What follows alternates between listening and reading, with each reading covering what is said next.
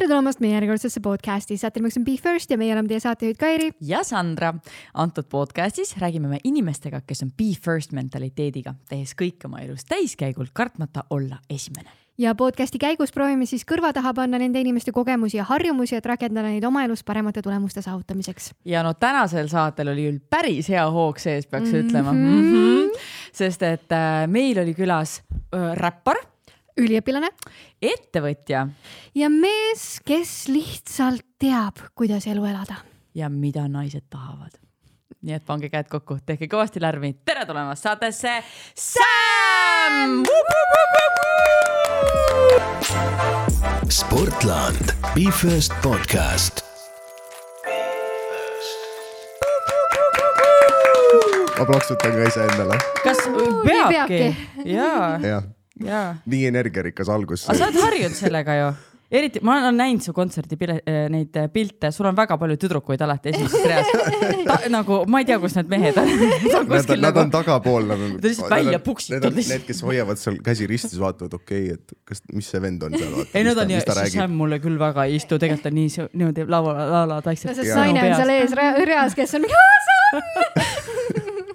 mulle ka ei meeldiks. see on siuke hirmus asi, et kui nagu liiga, liiga elevil seal ees läheb, siis on see, et okei okay,, kurat, vist peab mingisuguse ohu elimineerima endal pärast seal. aga nende tüdrukutega on niimoodi ka, et äh, eriti kui nagu naised on mingi eufoorias, vaata, sa kallad neile vett pähe selleks, et maha rõhustuda, see tõmbab veel rohkem käima. ei, mina see veekalla ei ole või ka see veeprits ei ole, see on pigem siuke Viie Miinuse Nublu teema, ma arvan nii nii hullunud fänne, ma arvan, mul kindlasti mm. paar tükki on, aga, aga äkki kahekohalistes numbrites veel ei ole. oota, kas on juhtunud ka midagi sellist, et sa mõtled nagu oh my god, sihuke asi juhtus mm.? see oli muidugi väga hea küsimus praegu no mingeid naljakaid sõnumeid tuleb ikka, ma ei oska praegu ühtegi näidet tuua, ma arvan, et noh, see on nagu pigem on mu muusika sihuke rahulik, hästi sõnumile keskenduv ja siis äh, fännid on ka, kes tulevad nagu ikkagi kaine peaga kuulama äh,, mis on tore, väga tore, et mm, -hmm. et kuulata, kuulatakse ikkagi sellepärast, et muusika päriselt meeldib äh,. aga vist ma, ma ei tea, kindlasti on midagi, mis on sihuke täiesti hullunud, aga, aga ma praegu nagu niimoodi viimasel ajal rahulik olnud. ma arvan, et see on pigem hea asi. äkki vestluse käigus tuleb mõni asi meelde. jah, just. sest me nagunii hakkame nüüd meenutama mm -hmm. igasuguseid erinevaid asju, sest meil on podcast'is ikka kombeks, et me alustame sinu esimestest, meie alustame lauset, sina lõpetad okay,. Okay. ja ega muud ei olegi, kui hakkame pihta või? ma võtan esimese. esimene kord laval esimene kord laval, see oli minu teada kaks tuhat üheksateist äh, Tallinna Nõmme gümnaasiumi ähm, mis iganes jõulupidu äkki.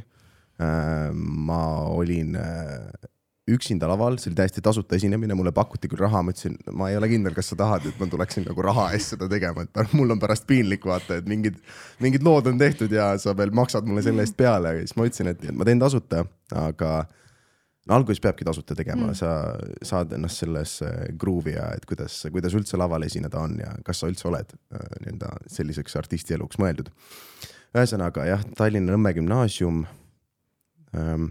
nelikümmend minutit pidin lavaaega ära täitma, ma ei tea, kas mul oli vist selleks hetkeks nagu nii palju lugusid küll valmis, aga aga no kuidagi see, ma, ma mäletan, ma tulin täiesti higisena sealt maast ära, see oli, see oli mul, ma higistasin kohtadest, kus inimene ei tohiks higistada ühesõnaga jah, Nõmme gümnaasium kaks tuhat üheksateist, seal vist oli. oota, aga kuidas sind leiti? Äh,? mul üks sõber kirjutas, et ta korraldas seda tervet sündmust seal. Äh,, nii-öelda aktivist igas seal, seal koolis ja siis äh, ma olin talle silma jäänud, et oh kuule, aga sa teed muusikat, et tule, tule esine ka meil ja siis nojah, ma olin, ma mäletan, ma olin Dubais sellel, selles, sellel hetkel EMS-i ja parima sõbraga siis ma ütlesin, oota, mulle tuli esinemispakkumine, ma olen nagu siiamaani naljaga teinud neid lugusid, et teile nagu nii väga meeldib või, või siis sa niisama kutsud või mis nüüd on. ja, ja et nagu mulle endale meeldib ja mul paarile sõbrale ka, et tule, tule esine. okei okay. aga ma nüüd olen nagu saanud aru, et mulle räigelt meeldib väljakutseid vastu võtta ja noh, see oli nagu noh, see sellel hetkel see oli tohutult suur samm, et ma lähen lavale, ma ise laulan seal oma laule järele, mis on ka keeruline selles mm -hmm. suhtes, et räpparil on, eks ju, sõnu on väga palju ja et sa järjest need kõik ritta seada la, nagu mikrofoni taga salvestades on üks asi, aga laval närveerides ja ärevuses on see teine asi. Läks midagi pekki ka? kindlasti läks, aga noh, enam ta ei, ei oma tähtsust, ma ei mäleta, mingid sõnad ikka koperdad nende otsa, aga tuled seal, tuled sealt sellest välja ja kõik läheb hästi päeva lõpuks, lõpuks. oota, aga mis hetkest sa siis julgesid hakata raha küsima? Äh, ma arvan, et juba sellest järgmine esinemine oli nagu see, et okei okay,, ma tasuta enam seda ei taha, ei taha teha, et kui te tahate mind liiga palju esinema, vett kulub, peab kõik tagasi jooma see riigi. täpselt, et noh, ma arvan, et, et no summad algasid mingi viiekümnest eurost, et, et noh, see on äh, noh, nüüd nagu tagasi mõeldes on see naljakas summa, aga jällegi nagu algavale artistile, siis see on väga okei okay,, et sa alustadki kusagilt.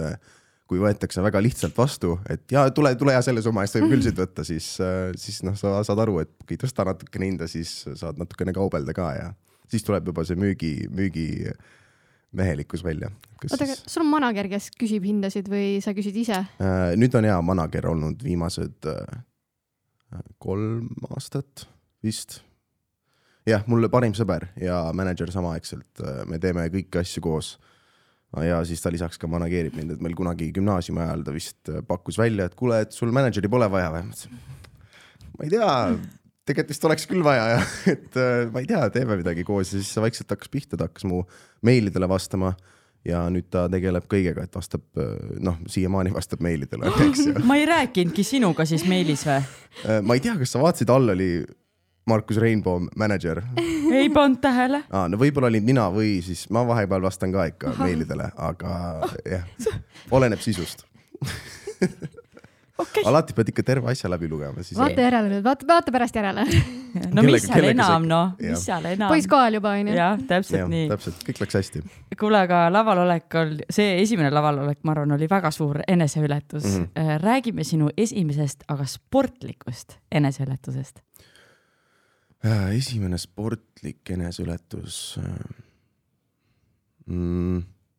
mul on alati spordiga olnud selline nii-öelda nagu kahe otsaga mõõk olnud minu jaoks, et äh, ühest otsast mulle väga meeldib sporti teha, mulle meeldib äh, sellised nii-öelda ühisportlikud tegevused, et kas siis tiimiga mingi korvpall, no jalgpall ei ole mulle kunagi meeldinud, see, et ma lihtsalt, ma ei oska seda ja ma ei viitsi, ma seal mängin äh, lolli ja võin nagu joosta, ma olen seal tipus, vaata. See vend, kes ootab, et ja sööda siia, sööda siia, siis ma võin selle, selle värava poole lüüa, et noh, sa võiks kohtunik olla, vaata, siis ei pea palli puutuma, lihtsalt jah, jooksed. tõsi jah, ei no jooksmine ka ei ole võib-olla kõige sobilikum.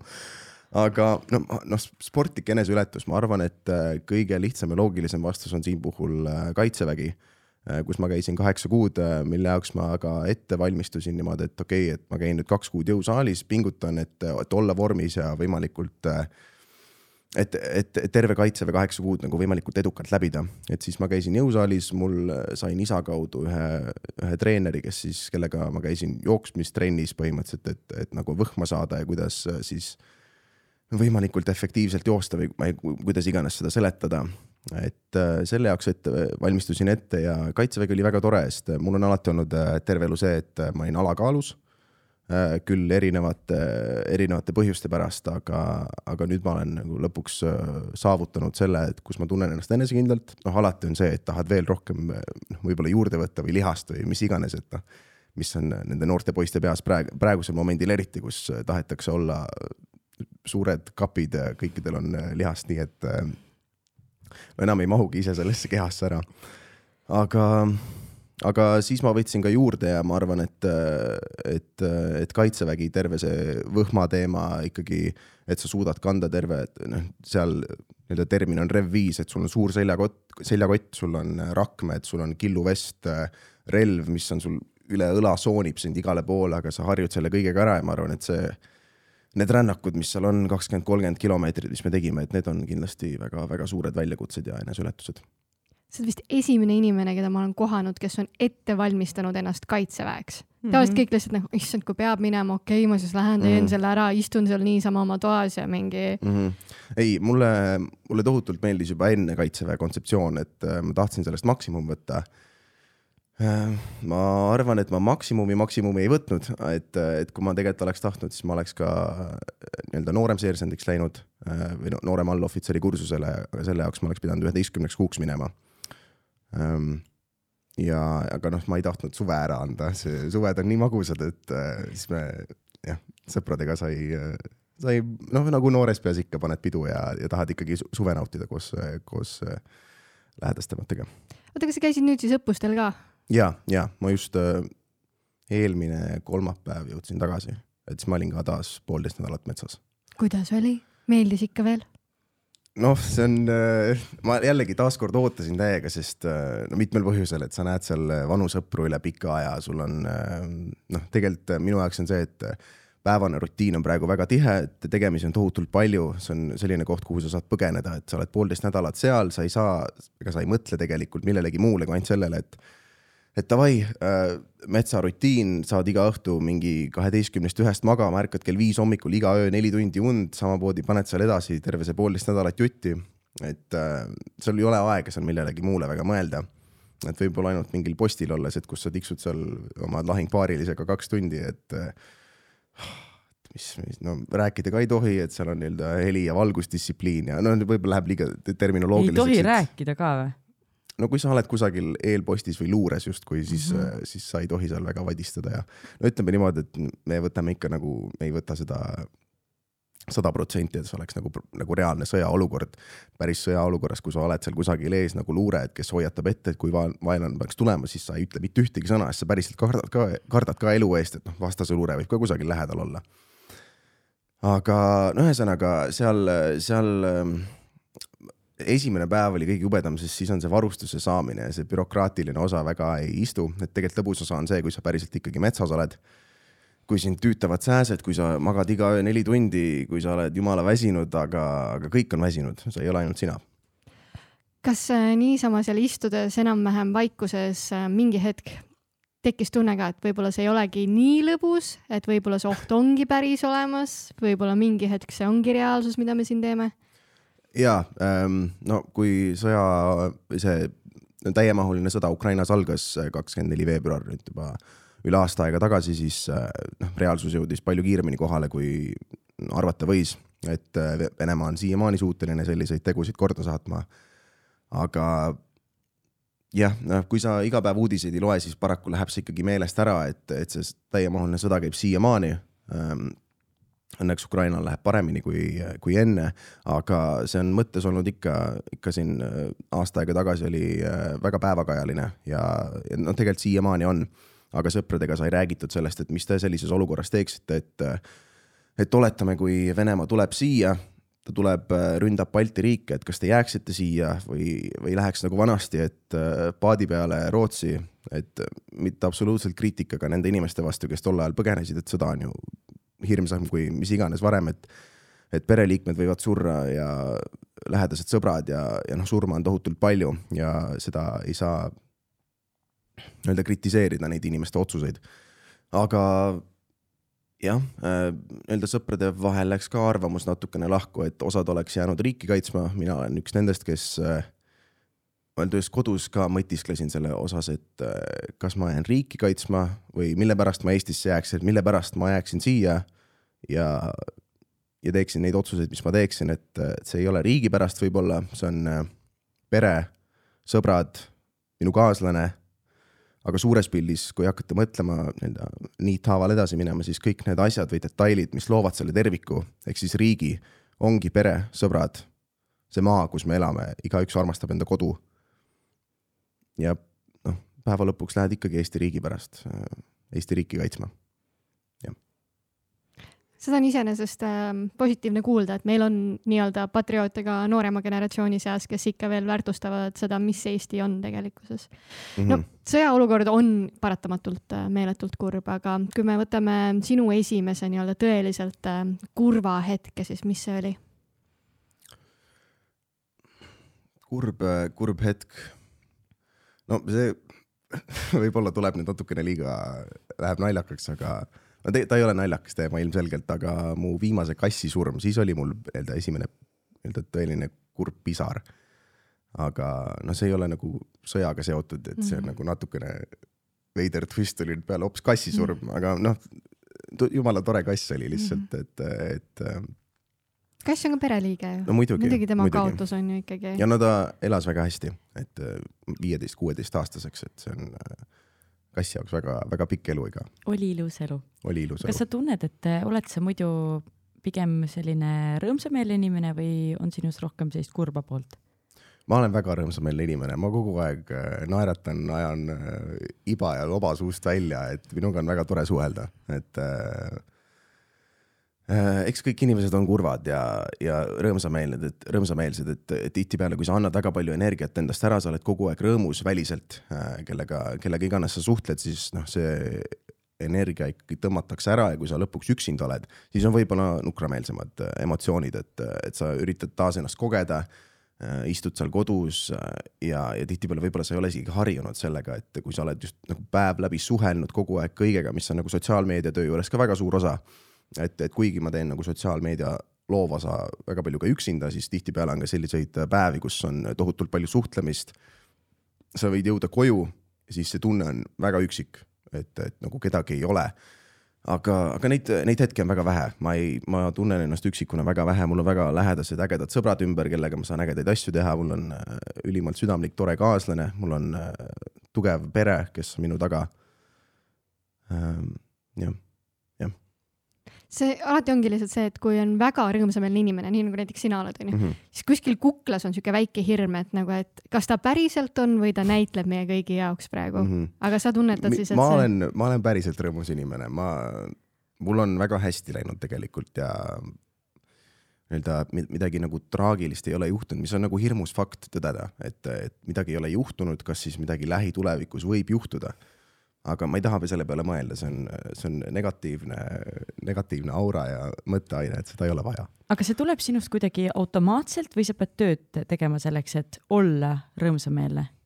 Äh, pigem tuleb automaatselt. Äh, ma olen ka väga tõsine inimene, et mulle, mulle meeldib ikkagi väga palju ka tõsist juttu ajada, aga, aga seda kuidagi kuldne kesktee leida äh, tõsise jutu vahel ja siis noh, taaskord siukse loba vahel on nagu väga tore, et sa, kui sa saad need kaks lõimida ja need on, tulevad nagu mingisuguse ülesehituse ja konstruktiivsusega välja, et, et sul on võimalik päriselt ka dialoogi pidada teise inimesega, samal ajal olles rõõmus, samal ajal rääkides taas tõsist juttu, siis see on nagu tore, aga see tuleb automaatselt, ma olen terve elu olnud selline, mu emps ka kunagi rääkis mulle, et ma olen juba väiksest saadik sihuke väike jõmpsikas olnud, et kui me käisime reisidel, siis näiteks Egiptuses, siis ta rääkis kohe, et ma olin esimene ma tulin sealt laua tagant ära, ma jooksin kööki ja ma rääkisin nende kokkade ja asjadega seal juttu lihtsalt, ma rääkisin eesti keelt, nad rääkisid egiptuse keelt, me ei saanud mitte mõmmigi üksteisest aru aga ma alati, ma ei tea, ma igasugust äh,, igasugust pulli tegin väiksena, ma arvan, et see energia on siiamaani mu sees.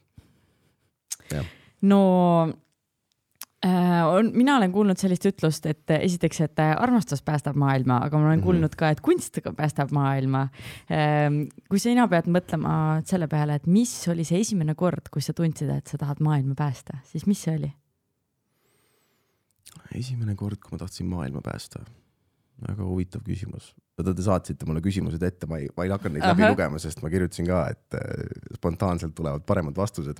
ma ei tea, kas sellele nüüd tuleb, aga ma, ma võib-olla ei ole ennast kunagi pannud äh, nii-öelda selle superkangelase kingadesse, et äh, mulle meeldib väga kahe jalaga maa peal olla äh,, kahe jalaga maa peal, aga mitte siis nende, seal nendes kingades, kus superkangelane on, aga ma arvan, et äh, kui sa oled õilas äh,, sa teed äh, midagi sellepärast, et sulle päriselt meeldib seda teha siis äh, see siirus, mida sa edasi annad enda, kas siis loominguga ähm,, nii-öelda emotsioonidega, kellele iganes, kellele, kellega sa kokku puutud, siis ma arvan, et see juba teeb maailmale head.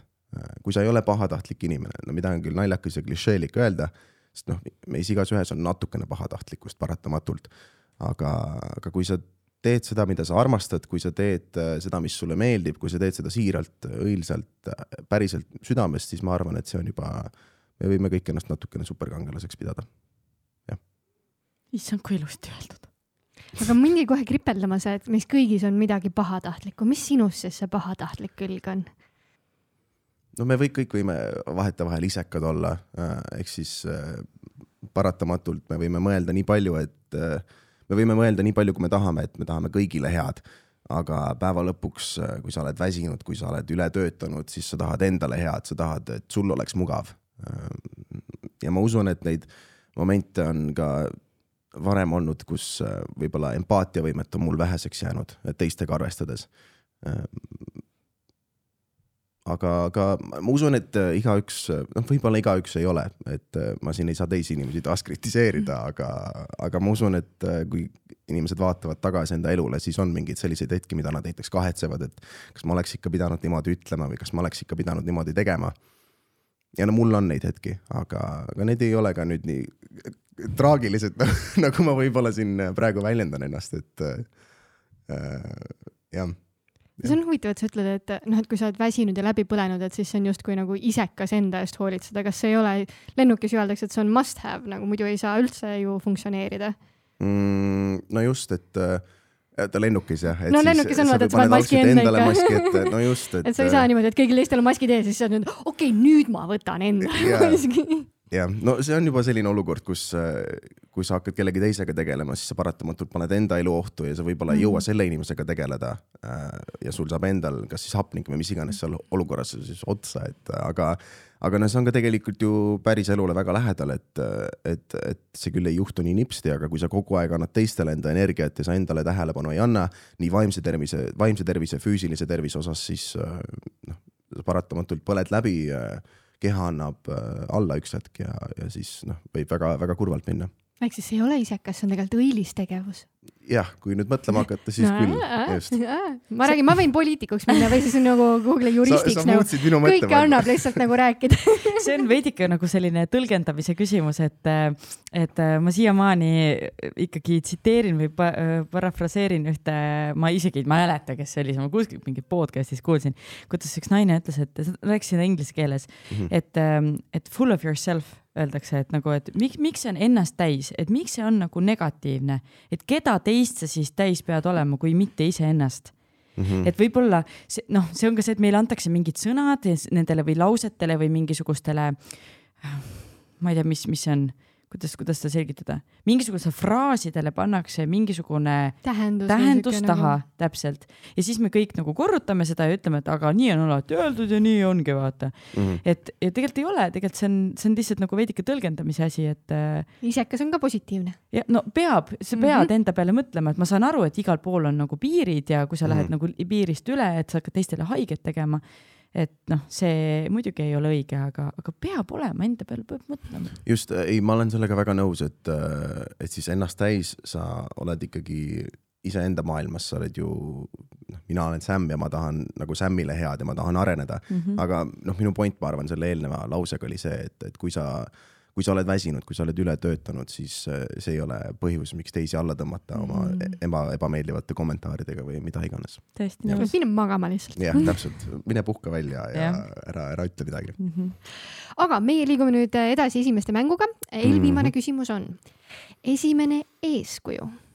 esimene eeskuju jälle keeruline küsimus, issand. no meil siin ainult keerulised. oleks pidanud ja. vist vaatama teadnud, millest ennast mässid. jah, jah ähm,, mõtlen, no kui ma, ma arvan, et loominguga alustasin, ehk siis muusika kirjutamisega, siis äh, väga suureks eeskujuks oli alguses Nublu ja siiamaani on äh, ta viimane duubel viis ka tõepoolest väga-väga magus ja mõnus lugu, et äh, siiamaani üllatab ja äh, ja ei ole nii-öelda pettumust kuidagimoodi valmistanud, mis ei ole ka absoluutselt tähtis informatsioon, aga, aga tema on kindlasti sõnade poolest olnud, et, et, et ma olen seda varem ka maininud, aga ma tõepoolest kiidan seda ja, ja see on, ma vaatan ainult alt, ainult alt üles.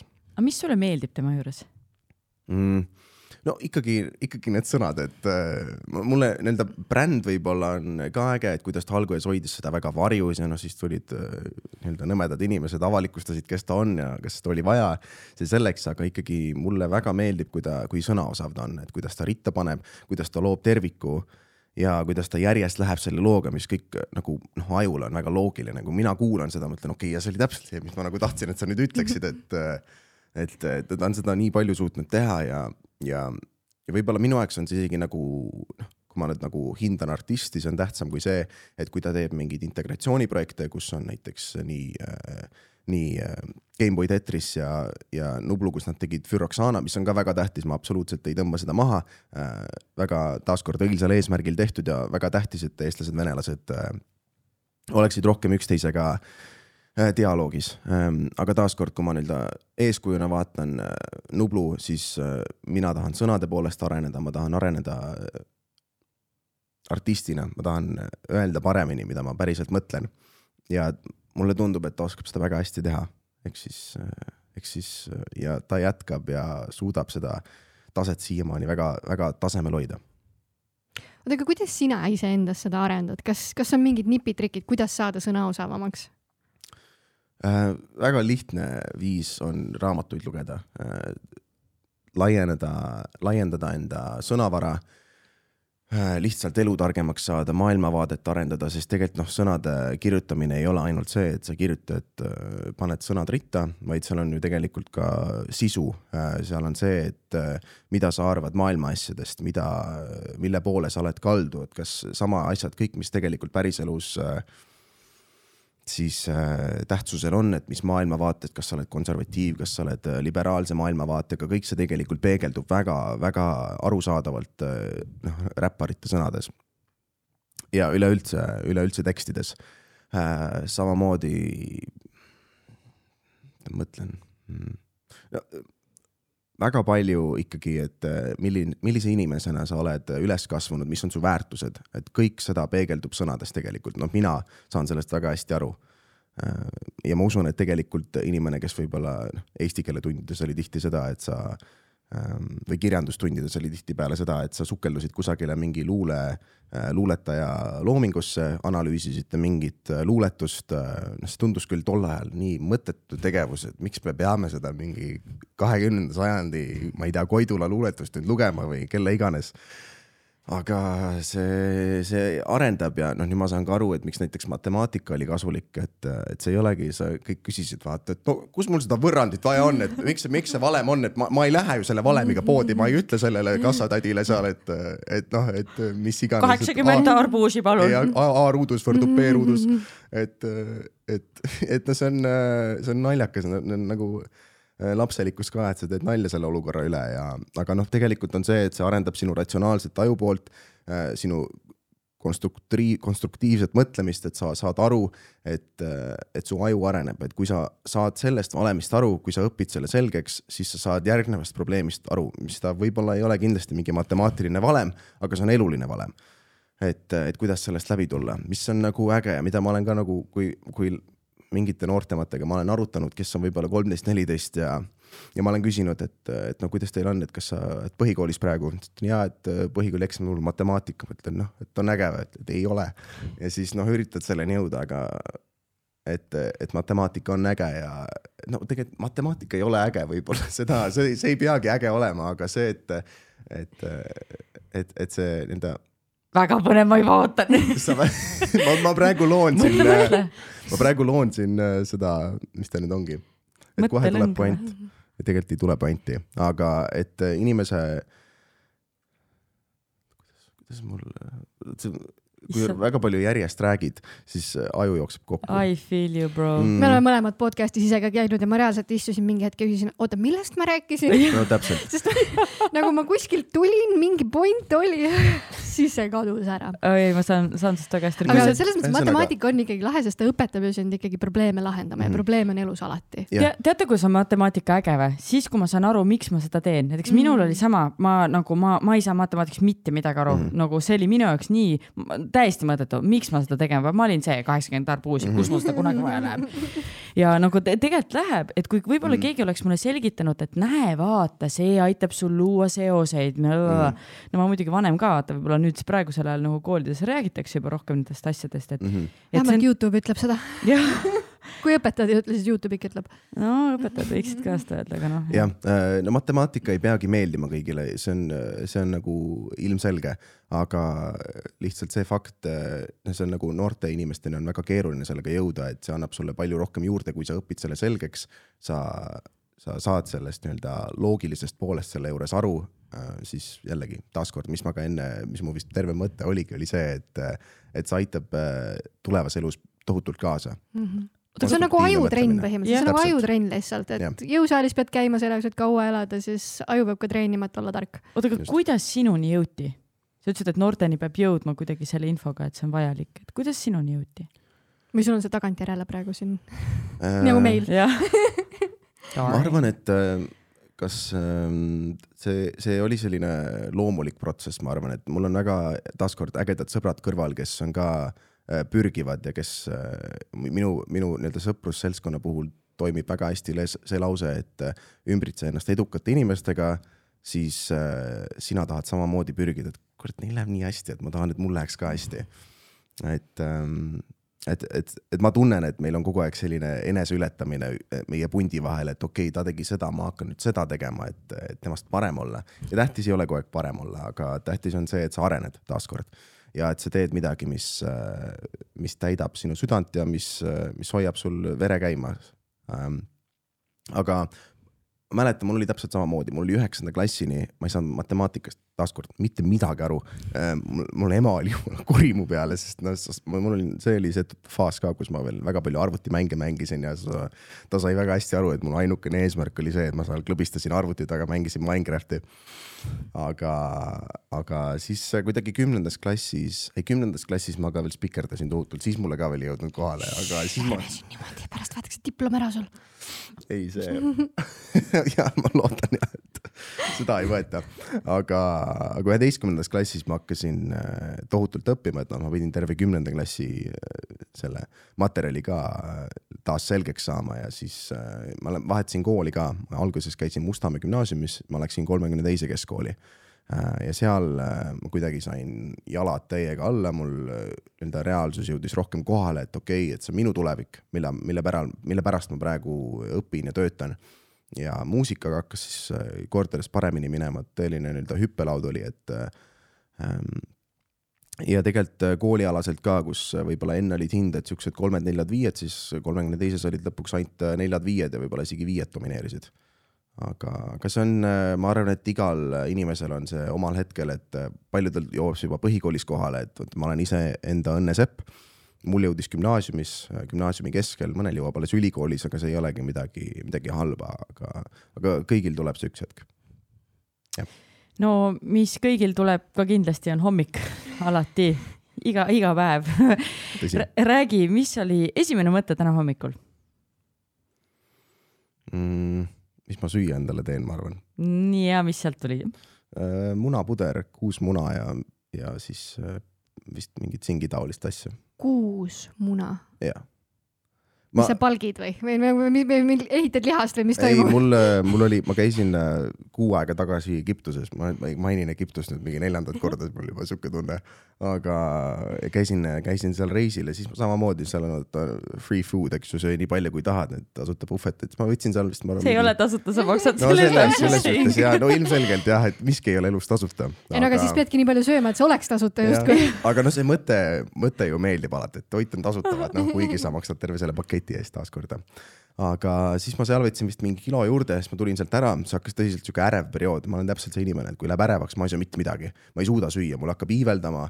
Ja siis mul oli kaks debüütalbumi äh, esitluskontsert, et üks Tartus, teine Tallinnas, ma arvan, ma ei söönud seal mingi kolm nädalat jutti, siis ma läksin veel kaitseväkke, kus ei ole ka söömine, ei ole väga nii-öelda eesmärk seal, et noh, seal on küll toidupakid ja, ja kaloraaž on seal nii-öelda ühes toidupakis ikka mingi kolm tuhat kilo, kolm tuhat kalorit, kilokalorit, aga, aga see nii-öelda mingi paus tuli sisse, siis ma võtsin, ma arvan, mingi kuus kilo alla ühe kuuga või ma ei tea, kui palju ja nüüd on mul taas see, et okei okay,, hakkan vaikselt uuesti sööma, võtan seda nüüd tagasi juurde, et see on niisugune natukene ebatervislik kõikumine on, aga, aga no ma üritan toime tulla selle, selle keskmes. oota, sul oli mega ärevus nende debüütkontsertide pärast, aga need läksid ju mingi mega hästi sul ju. Läksid küll, aga no ikka oli selline, et äh, me olime nii-öelda paratamatult väga suures miinuses alguses või mingi nädal enne veel mm. -hmm. ja siis me mõtlesime, et okei okay,, et noh, tegelikult noh, päeva lõpuks see raha ei ole tähtis, et ma tahan, et, et tegelikult läheks kõik hästi, et ärevust oli nii selle poole pealt, et et okei okay,, et kas tuleb ikka nii palju inimesi kohale, et me jõuaks kasvõi nulli, no lõpuks jõudsime nulli, mis on väga tore no aga teine oli ka see, et see läheks võimalikult edukalt, et kuidas ma olin müünud seda asja edasi, et tuleb ägedalt, tuleb show'd. No tegelikult oli show'd väga-väga äge tuli ja ma olen ainult nagu positiivset tagasisidet saanud, mitte ühtegi negatiivset kommentaari, mis on täiesti ulme, et, et kas see on nüüd see, et, et inimesed ei julge või ei taha öelda või mis on nagu väga noh, tore, et seda nega- negatiivset ei olegi võib-olla vaja, konstruktiivset kriitikut on alati vaja, et öelge, et oleks seda võinud paremini teha, mis on väga et, see oli väga hästi, aga see oli natukene nagu äh, võib-olla veel äh, ei olnud veel, nii välja arenenud, mis on väga äge, ma tahan alati kuulda seda, et kus ma saaksin areneda, mulle, mulle meeldib konstruktiivset kriitikat kuulda ähm,. aga, aga need lõppesid väga edukalt jah, mulle Tallinnas tuli nii palju inimesi kohale, et ma ei, see oli täiesti ulme. ma siiamaani, mul, me rääkisime enne pisaratest ja kõige kurvematest hetkest, aga, aga järgmine päev, kui Tallinna kontsert oli ära, ära olnud, siis ma sõitsin kohe edasi kell kuus hommikul Viljandisse, kus oli mul üks koolitantsuprojekt siis mul autosõidul ma avasin esimese video, mis mu õde oli filminud, äh, siis mul tuli küll, kohe tuli pisar silma, panin selle telefoni ära, mõtlesin, siis ma sõitsin seal Tallinna-Viljandi maanteel ja jah, ühesõnaga väga-väga armas, aitäh siinkohal, kes kuulavad, kes tulid kontserdile. oota, kas see on ikka päris risky business ju?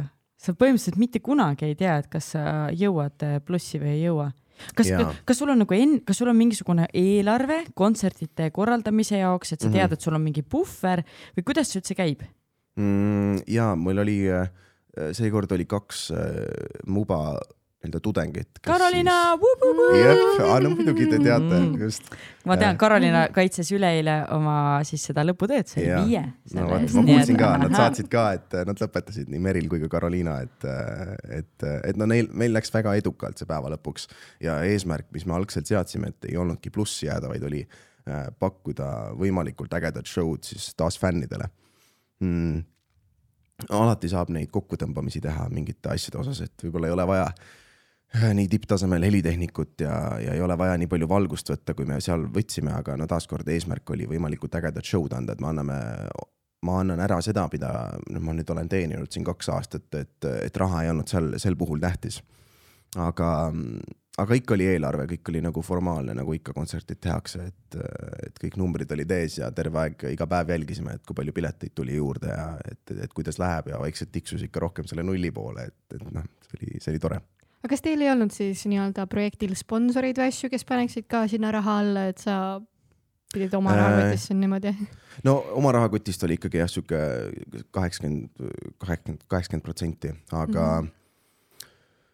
Converse oli sponsor, äh, taaskord aitäh Ailarile, kes tervet seda asja veab ja, ja nad, nad tulid ilusti appi ja noh, ma loodan, et nende nimi oli ka seal ilusti esindatud mm. -hmm. et siis järgmine kord teised sponsorid ka nagu koputage ja. uksele natukene. me võib-olla natukene saab ägedamat asja veel teha nagu. tõsi, tõsi, no Nööp teeb ju nüüd väga ägedalt, ta teeb, äh, kus ta tegi, A Le Coq Arena'l mm. -hmm. Yeah. see on, ma juba, ma ise tahan ka sinna minna mm. -hmm. aga artiste on ka tore alati ise toetada, et äh, kui näiteks Villemil tuli vinüül välja, siis ma ise ostsin selle, sa tahad alati nagu tagasi anda seda, mida, mis nagu teised artistid ka sulle annavad.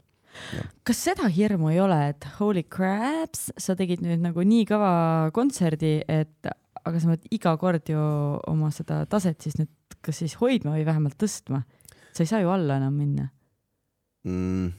No kui on suuremad kontserdid, siis ilmselgelt ma ei tahagi enam alla minna, et, et see on taaskord sihuke loomulik, loomulik areng et äh, kui oled ägedalt teinud ja kui ma nagu kasvan aina rohkem artistina, siis äh, paratamatult ma tahaks ka aina ägedamaid show sid teha, et no ma arvan, et mina, mina lähiajal A Le Coq Arena'le ei lähe. et selleni on veel äh, paar aastat aega. sa võid minna jalkamängu vaatama. mulle ei meeldi jalka sulle meeldib. ei no ei jah, tõsi, vaadata see on ka siuke naljakas, vaata korvpallis on tore see, et sa näed seal kogu aeg, keegi teeb korve ja sa, aga jalgpallis on see, et sa vaatad võib-olla üheksakümmend minutit võid ära vaadata, mitte ühtegi väravat ei tule, et noh, tegelikult noh, pingelisust on seal ikka, aga ja ma ei ole kõige suurem jalgpallifanatt no davai. kas me jõudsime esimeste mänguga ühele poole? me jõudsime ühele poole, täpselt nii. meil on veel mingi neli, neli plokki jah? no ja ma siin vaatan, et me siin oleme mingeid asju juba läbi käinud, et äh, okay. tegelikult ma võib-olla sellest tänasest päevast astukski natuke tagasi, sa mainisid, et sa käisid äh, kolmekümne teises -hmm. see on nüüd see spordikeskkool on ju? Äh, seal on ka spordiaktiiv ja. see on see spordivaim on see. spordivaim, just, just, just, just, just. Meelis on käinud meil siin saates külas Aa, ka. okei, tuus ja, ja kui sa mõtled nüüd oma, oma kooliajale, siis keskkooli ajale mm, -hmm. mis olid need, äh, need kõige ägedamad õppetunnid, mille sa sealt said, mille sa sealt kaasa võtad endaga? Äh, no kes siis ei tea, et äh, Tallinna kolmekümne teises keskkoolis on tohutu ühtekuuluvustunne. see ei ole ainult sina, kes seal koolis käid, kes õpib hinnete pärast, vaid seal on üliäge keskkond, kus sa saad äh, suhelda kõigiga ja ülivabalt, et äh, koridoris on kogu aeg, no nagu ikka on äh, kooli peal nende koridoris vahetundide ajal nagu jutuajamised, aga seal on see kuidagi eriti mingi mõnusa energiaga ja kõik saavad üle, üli, omavahel ülihästi läbi. Ja ma arvan, et kõige tähtsam nii-öelda siis äh, tähelepanek, mis mul tol ajal koolist oligi, oli see, et inimesed on väga tähtsad. Kui ma olin alustav artist, siis äh, põhimõtteliselt enamus kooliõpilastest andis mulle võimaluse, kuulis, kuulis mind ja kuulas mind, ehk siis see esimene nii-öelda hüppelaud, mis ma ka sain, kui ma tegin esimese loo Romantism, mis ma tegin tegelikult muusikatunni projekti raames, siis mulle ülipaljudele klassikaaslastele meeldis, nad ütlesid, noh, tee edasi. Äh, äge on ja muusikaõpetajale meeldis ja, ja siis nagu see asi hakkaski sealt edasi veerema ja, ja need, kes nagu jagasid mu muusikat, olidki kõik minu koolist ja sealt nagu hakkas terve see pall veerema. ja äge on kolmekümne teise kuhu, kolmekümne teise keskkooli puhul see, et väga paljud õpilased on kusagilt äh, Eestist, üle, üle Eesti, et äh, ma ei tea, Tapalt, Paidest, Viljandist, kõik on nagu tulnud ja nad tihtipeale jõuavad kokku sinna kolmekümne teise keskkooli. ehk siis üle Eesti, mul mänedžer on ka, ta on äh, Äh, Turbast. Ehk siis noh. ma isegi ei tea, kus see on. no see on äh, teel, äh, teel Pärnu poole põhimõtteliselt, see on poole tee peal kusagil. siis võiks teada justkui. jah, no ühesõnaga sealkandis ta kusagil on, võib-olla tavainimesele ta palju ei ütle, sorry, Markus mitte midagi halba ka Turba vastu. aga, aga ühesõnaga, et seal nagu keskpunktis sai väga palju kokku üle Eesti olevaid inimesi, kes noh, tegelikult õppisid siis kolmekümne teises keskkoolis ja see on äh, äge, et see läks nagu üle Eesti, ma mäletan ka, et äh, väga palju oli kuulamisi kusagilt, äh, nagu nad läksid nädalavahetuseks kasvõi koju, siis oli ka seal kuulamisi ja see, et see kuidagi nagu levis ja jutt, jutt läks nagu laiali. aga, aga noh, see terve moraal on see, et ma arvan, on väga tähtis hoida neid inimesi, kes sind, kes sulle algselt võimaluse andsid ja väärtustada neid, et kolmekümne teine keskkool on mul väga südames, et neid tasuta esinemisi ma olen seal nüüd teinud küll ja küll ja, ja ka tulevikus ma arvan, et, et kui mind kutsutakse, ma lähen nagu alati hea südamega sinna tagasi ja mingit nagu raha ei küsi. mis, mis on nagu naljakas asi öelda võib-olla, et, et ka noh, ilmselgelt sa raha ei küsi, aga no ikkagi noh, muusikaga, võib-olla muusikutele võetakse ka seda for granted, et, et no meil on ikka mingi esinemine kusagil, aga noh, see on minu palk ja minu töö mm, -hmm. et ähm, et see töö, et see toob mulle leiva lauale, aga koolide huvijuhid peaksid praegu panema olema niimoodi, et tadäng, ahaa, hakkame kasvatama noori artiste, sest et siis nad saavad hakata käima kooliüritustel tasuta esinemas. aga minu arust iga kord on ikkagi vilistlased pandakse tanki, sest ongi, et kui sulle meeldis seal koolis, siis sa tahad panustada sinna. nojah, see, see ei tule, see tuleb mhm. taaskord südamest, et see on mm -hmm. nagu kõik need ta taaskord äh, kolmekümne teise keskkooli huvijuht, üliäge inimene, äh, seob kõik need inimesed kokku ja ta on äh, noh, need huvijuhid tihtipeale loovadki selle nagu või no alustavad selle ägeda keskkonnaga, et kuule davai, et seal on nii meediatiim, kes tegeleb videotöötluspoolega, seal on äh, spordivaim, kes ongi siis korraldab iga vahetund mingisuguseid ägedaid võistluseid äh,. seal on äh, tule enam kõik meelde, nüüd ma olen juba kolm aastat olnud vilistlane, aga ühesõnaga, see on kui sulle vähegi midagi meeldib, siis sa leiad selle tee seal koolis see on nüüd kõige parem promo ja müügitöö, mis vist iial ma mõtlesin ise ka, et ma nagu ise tahaks tagasi kooli minna ma mõtlen, kuhu kolida elama, et kunagi oma lapsed sinna kooli saaks panna aga tuleb välja, et ei pea kuhugi. oota, aga kuidas nad tulevad, kolivad Tallinnas või seal on mingi ühikas või mm. mingi? ma ei tea, kus nad kõik kolivad, aga aga kuidagimoodi nad sinna kokku satuvad. väga põnev. jah aga sa ütlesid, et sa oled nüüd kolm aastat vilistlane olnud, kuidas sinu haridustee jätkunud siin on? Ähm, kui ma lõpetasin gümnaasiumi, siis ma läksin äh, kohe ärindusse Tallinna Tehnikaülikoolis. Ähm, ma olin seal kusagil kuu aega või poolteist kuud, siis mul hakkas oktoobrist, ma läksin äh, kaitseväkke ja siis ma võtsin akadeemilise puhkuse äh, nüüd mul on juba teine aasta, kohe lõpeb teine aasta ja siis järgmine aasta on mul juba lõputöö tegemine ja, ja siis bakalaureus peaks käes olema ähm,. miks ma alguses sina selle akadeemilise puhkuse võtsin, oli see, et ma tahtsin näha, et kas ärindus on ikka mulle mõeldud, kas see on äge, kas mulle meeldib see, mulle meeldis äh,. siis ma võtsin selle akadeemilise puhkuse, nagu ma juba mainisin ja, ja ülejäänud on ajalugu mingil määral aga mis sulle meeldib seal või mis, mis see asi on, mis sind köidab selle juures, eriti kaheksateistaastane tavaliselt ei tea, mida ta tahab õppima minna, et kus sa selle valiku mm tegid ja miks tänaseni siis on, tunned, et on õige asi? Mm? no mul oli valikus, äh, kas minna Tartusse õppima ajakirjandust või siis äh, valida Tallinna Tehnikaülikoolis äh, ärinduse. noh, neid, see kaalukauss, et miks ma, mille kasuks otsustasin, ma praegu enam ei oska öelda, ma arvan, et väga suur põhjus oli ikkagi see, et Tartusse ma kolida ei tahtnud, kõik mu sõbrad, kõik mu pere oli Tallinnas, mis võib nagu kui ma olen nagu taaskord selle peale mõelnud, siis kas see on nagu piisav põhjus, et noh, ma olen küll nagu julge inimene ja ma arvan, et see ei oleks mul tükki küljest võtnud, kui ma lõpuks oleks ka kolinud Tartusse. aga ikkagi hirmus samm sellisel äh, noorel üheksateistaastasel poisil ähm, sealt edasi, et no Tallinna Tehnikaülikool on mul kodu lähedal, ma arvan, et kusagil kilomeeter, kilomeeter kaks ja ma saan buss number kolmekümne kolmega käia sealt edasi-tagasi nagu nipsti. Ja, ja tegelikult mulle väga meeldis ja mulle siiamaani meeldib majandus, mind on terve elu köitnud see, ma olin kolmekümne teises ka keskkond ja majandusklassis Äh, nii investeerimine siiamaani pakub huvi, tegelen sellega aktiivselt, kõik need äh, mikro-makroökonoomikad, mis on küll noh, ka väga-väga igavad kohati, aga on ikkagi. makroökonoomika ja matemaatika aga need on ikkagi mingil määral põnevad, et kui sa oled need ained läbinud, siis sa saad ka Äripäeva uudistes aru, millest jutt käib, millest räägitakse, et mis asi see Euribor on mis asjad on intressimäärad, miks neid tõstetakse, mis asi on inflatsioon ja nii edasi ja nii edasi. ehk siis äh, kõik see on väga põnev maailm äh, tegelikult ja mind see täiega köidab ja taaskord see sõpruspunt, kellest ma olen ka mingi viiendat korda juba rääkinud, siis seal keskis ka me räägime väga palju just majandusest ja et kuhu investeerida ja, ja kõike muud. oota nii, kuhu peab investeerima? See on nüüd, äh, ma olen juba, ma alguses mõtlesin, no miks te kõik ütlete seda, et see ei ole soovitus, et, äh, et, et. sa pead ütlema lihtsalt, et kuhu sina investeerid? Äh, no mina, ja, ja just, just, just, just, just, mina investeerin praegu tehnoloogia aktsiatesse maailmaturul väga palju.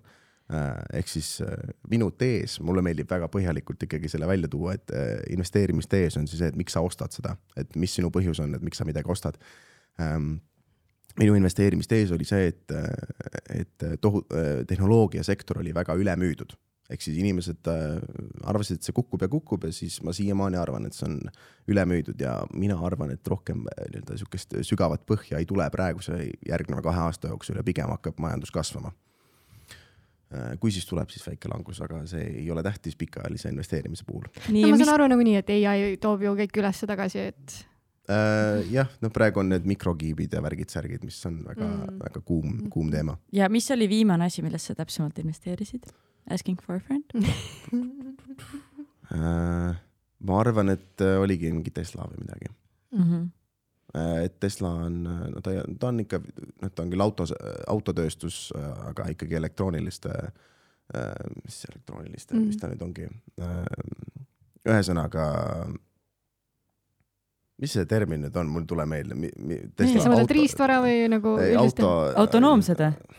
autonoomsed, ei. elektroonilised autod. mängime seda mängu elektriautod. elektriautod ja mul elektroonilised, mul tõmbas see täiesti. aga minu jaoks on ikkagi see Eloni pilt, kus tal on juba see robot, kes on ta naine nagu, see on see tulevik Teslal. ma ei ole vist näinud. et sa saad isegi. endale oma partneri ikkagi nagu poest osta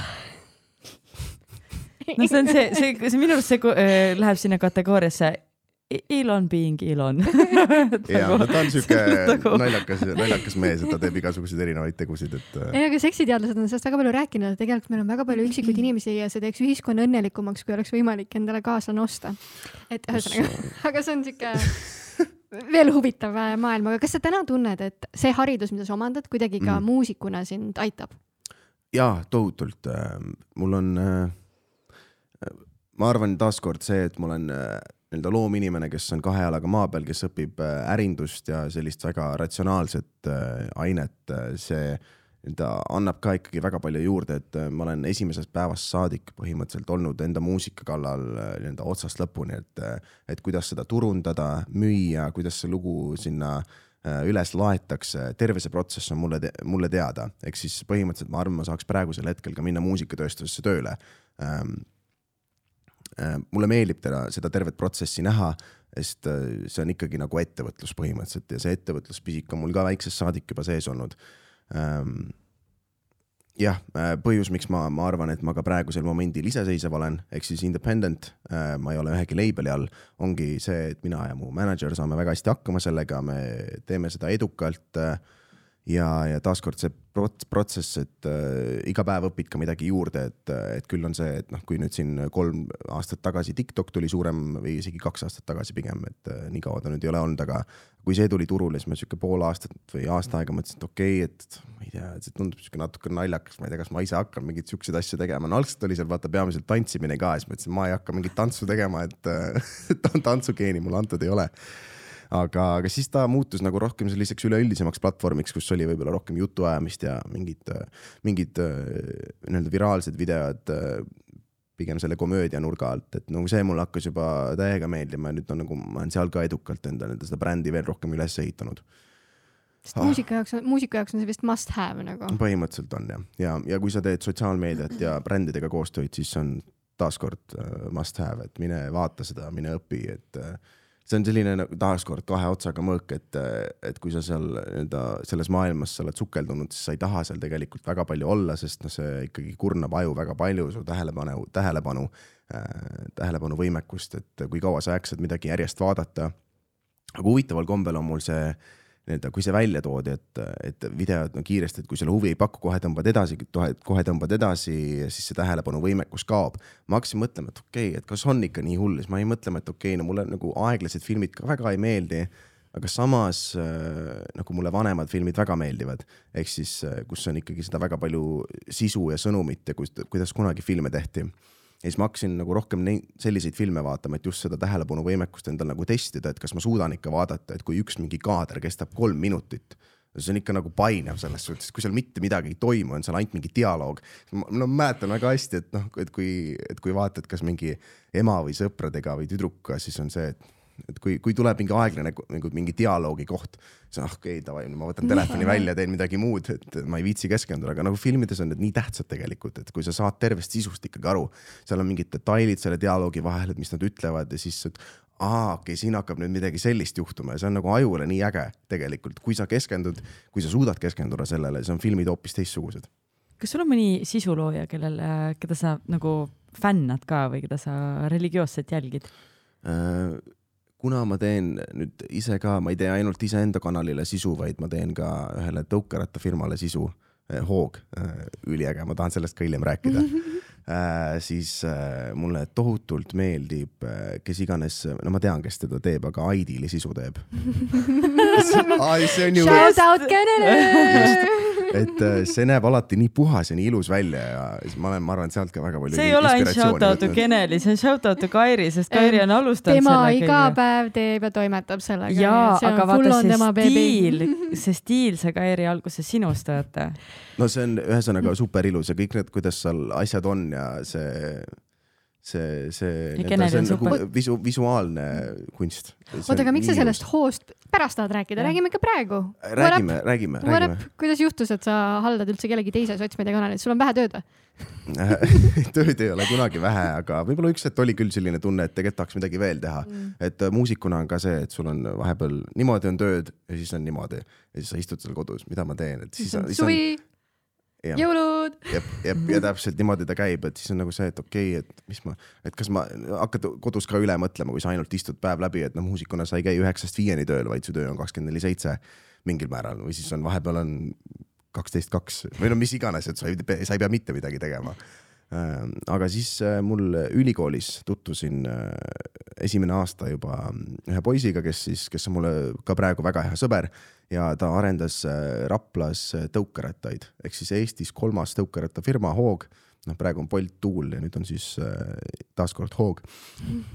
Ja siis esimene aasta nad ütlesid, noh, nad tõid Raplasse kakskümmend tõukeratast äh,. noh, nii-öelda sihuke testimisfaas, et kuidas siis läheb ja väga edukalt läks ja siis me nüüd äh, paar kuud tagasi hakkasime arutama, et, et, et kuidas sellel ähm, firmal läheb ja nad rääkisid enda visioonist, et kuidas nad edasi tahavad minna, siis nad ütlesid, et nad nagu üritavad praegu raha kaasata.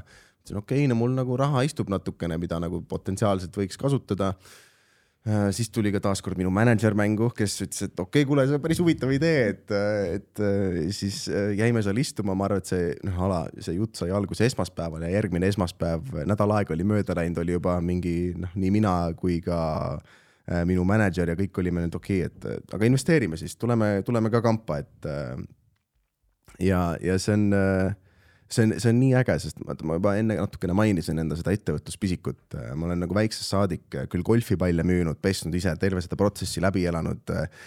suviti teenisin seal, ma arvan, kolmeteistaastasena kaheksasada eurot, tuhat eurot ja sain selle eest endale mingi läpaka osta või mis iganes.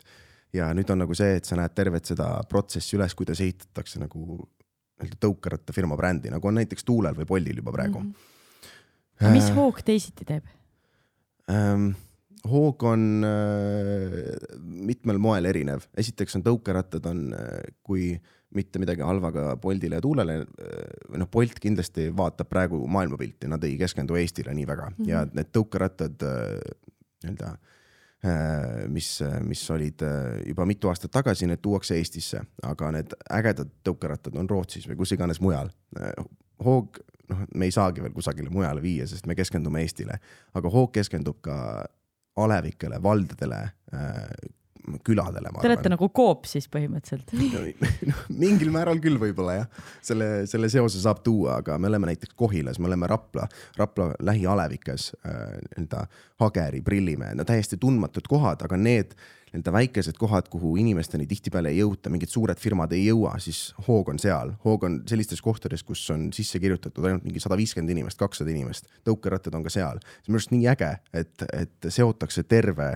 see nii-öelda äh, lähiümbruskond seal ja, ja me praegu laieneme hoogsalt oota, aga kas seal rattad on ka teistsugused, selles mõttes, et kui sa alevikusega sõidad, siis sa päris nagu Bolti tõuksiga ei lähe sinna, et võib-olla Tuule omaga veel, aga. Lähed, aga sa oled nii veel läbi raputatud pärast. Äh, no meie kriteerium on kindlasti see, et nagu mingisugused äh, kergliiklusteed peavad seal olema et seda hoogu ikkagi kasutada saaks ähm,. noh, taaskord jällegi äh, valdadele ja, ja maakondadele, et, et arendada välja neid, et me saaks tuua oma tõukerattad sinna. aga kas nad üldse tahavad neid?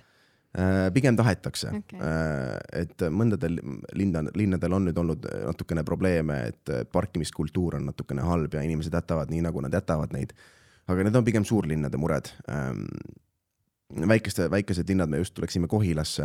Äh, Kohilas on, tuleb välja, ma ütlesin selle kohta linn, aga siis ma sain kommentaariumis parajalt seda, et Kohila ei ole linn ma ei mäleta enam, mis see Kohila nüüd oli, aga aga mina ei teadnud seda näiteks. ühesõnaga, seal on äh, ülisoojalt on meid vastu võetud. Äh, seal ei olnudki ühtegi äh, teist tõukerattafirmat praegu, et Hoog on ainukene ja Hoog tõukerattast ka, et on, ta on vist ainukene, millel on amordid. tal on suunatuled mm, -hmm. seal on telefonilaadija, need on juba võib-olla ainult nagu mugavus, mugavuslisad, suunatuled taga-ees, nii-öelda, no tilin on ikka, see on kõige lõbusam asi, sellega saad jah aga kollast värvi on ka, paistab ilusti silma ja. kollane on ka mingi turul olemas mingisugune juba ju. Bird oli kunagi minu arust.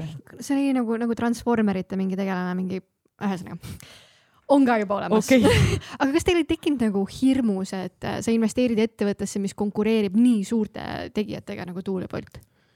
Äh, kui äh, ikka on natukene hirmu, et noh, ma algselt oled ikka skeptiline, et kuule, ma ei tea, et nagu noh, võib-olla kui sa veel ei ole, kui seal mitte kedagi ei ole veel selles linnas, et siis võib-olla on nagu edukas, aga jah, täpselt, et kui juba Boltil Tuulen on tuhandeid äh, tõukerattaid ainuüksi Tallinnas, siis kuidas see peaks välja nägema. aga noh, ma käisin ka vahepeal hästi tihti Rootsis, sa vaatad seal, seal on kuus-seitse tõukerattafirmat, kes konkureerivad üksteise vahel ja no millegipärast nad ikka veel on seal, ehk siis järelikult nagu nõudlust on. Aga ma arvan, et selle hoo visioon ja, ja suund on äh, äge, et me keskendume väiks-, väikestele kohtadele. mis ma juba nagu mainisin, on ka, on äh, jäetud unarusse, millele väga palju tähelepanu ei anta. et äh, me saame mingisuguseid kogukondi rohkem liita, on rohkem nii-öelda seda ühistranspordi võimalust, transpordivõimalust just siis nagu nende väikeste alevike ja nii-öelda keskuste vahel. Aga, aga hirmus äh, see hirm kadus, mida enam sa selles nii-öelda keskmes oled, vaatad, kuidas see protsess toimib, siis ei ole hirmus, et on üliäge, et arengut toimub iga päev ja, ja ja see on tõsiselt vinge, ma ootan juba nii väga, et mis sellest veel saab, et ma arvan, et see suvi ja on alles ees ja uudiseid tuleb tohutult palju oota, ma saan aru, et sa siis nagu maksad iseendale praegu või, selle töö eest, mis sa teed, et sa investeerisid yeah. ja nüüd sa teed sotsmeediat. või sa teed sa... ikka pro bono seda sotsmeediat seal praegu? mina ei saa mingit palka mm, -hmm. et äh,. investor ma..., kes teeb veel Tiktoki yeah. ka, kas siukseid võtaks öelda et ma olen ikkagi nagu aktiivne töötaja ka mm., et, äh, et seal on, meie tiim on vist äkki praegu kuueliikmeline nii-öelda viis, viis aktiivset inimest ja siis üks, kes veel äh, vaikselt sulandub tiimi sisse, aga ma arvan, et see lähiajal ikka kas mitte juba ei kahekordistu, aga see areneb ülihoogsalt. ja ma olen äh, nii õnnelik, sest äh, muusika on äh, ilmselgelt üks minu kirgedest, aga ma olen terve elu tahtnud midagi teha kogu aeg, ma mõtlen, et okei okay,, peaks peaks mingi riidebrändi tegema või meil oli vahepeal mõte tuua üks äh, lauamäng Eestisse sõpradega, noh, see läks ka ära, aga noh, kogu aeg ikka üritad, et noh, see on see, et satud äh, kusagile poistega koos, istud, istud Maci kõrval, sööd seal seda, kuule, mul tuli äriidee.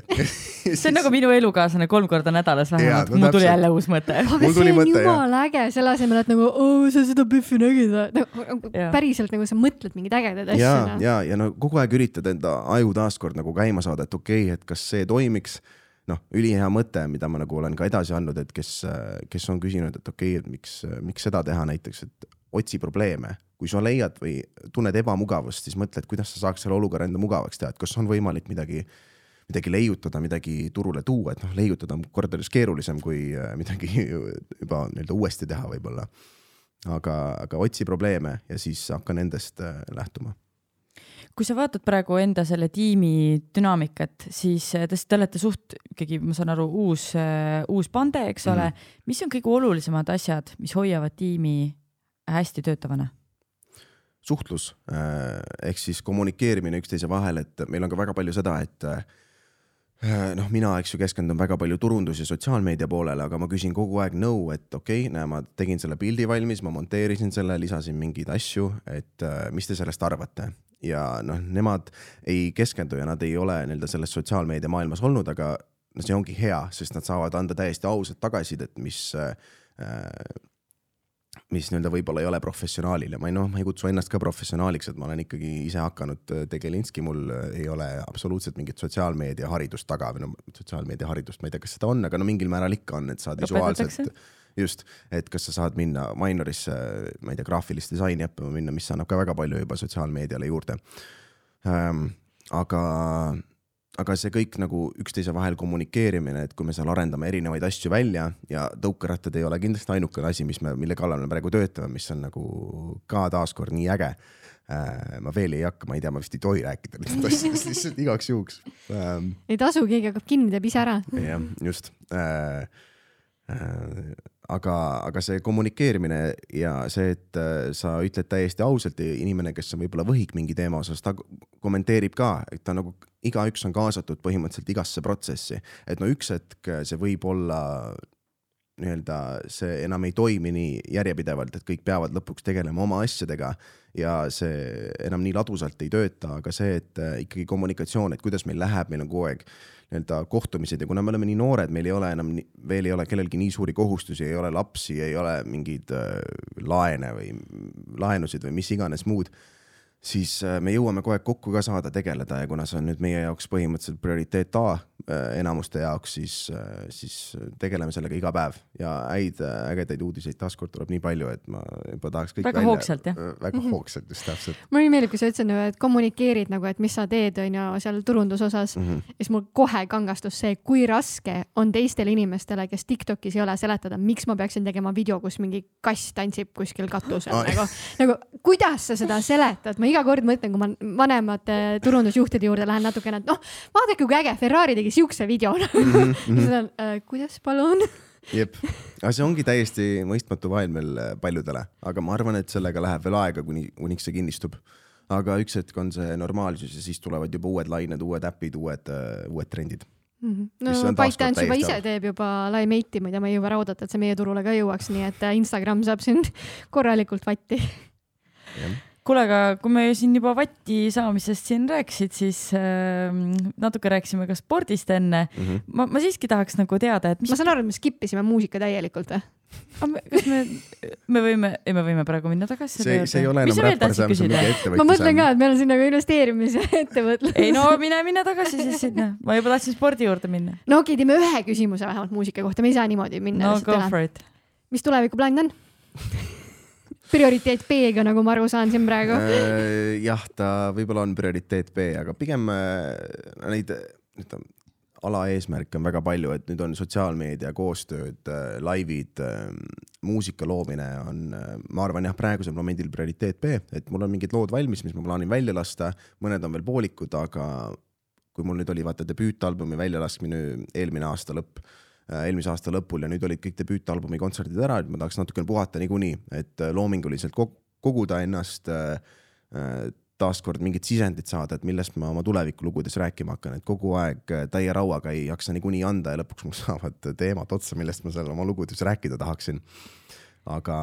taaskasutus on popp teema, nii et. tõsi aga räpp peab ka jätkusuutlik olema, et seal issand, kui hea, jätkusuutlik räppar. kuidas sa ennast üldse nagu defineerid? ma olen jätkusuutlik räppar. aga kes, kes, kuidas sa defineerid ennast?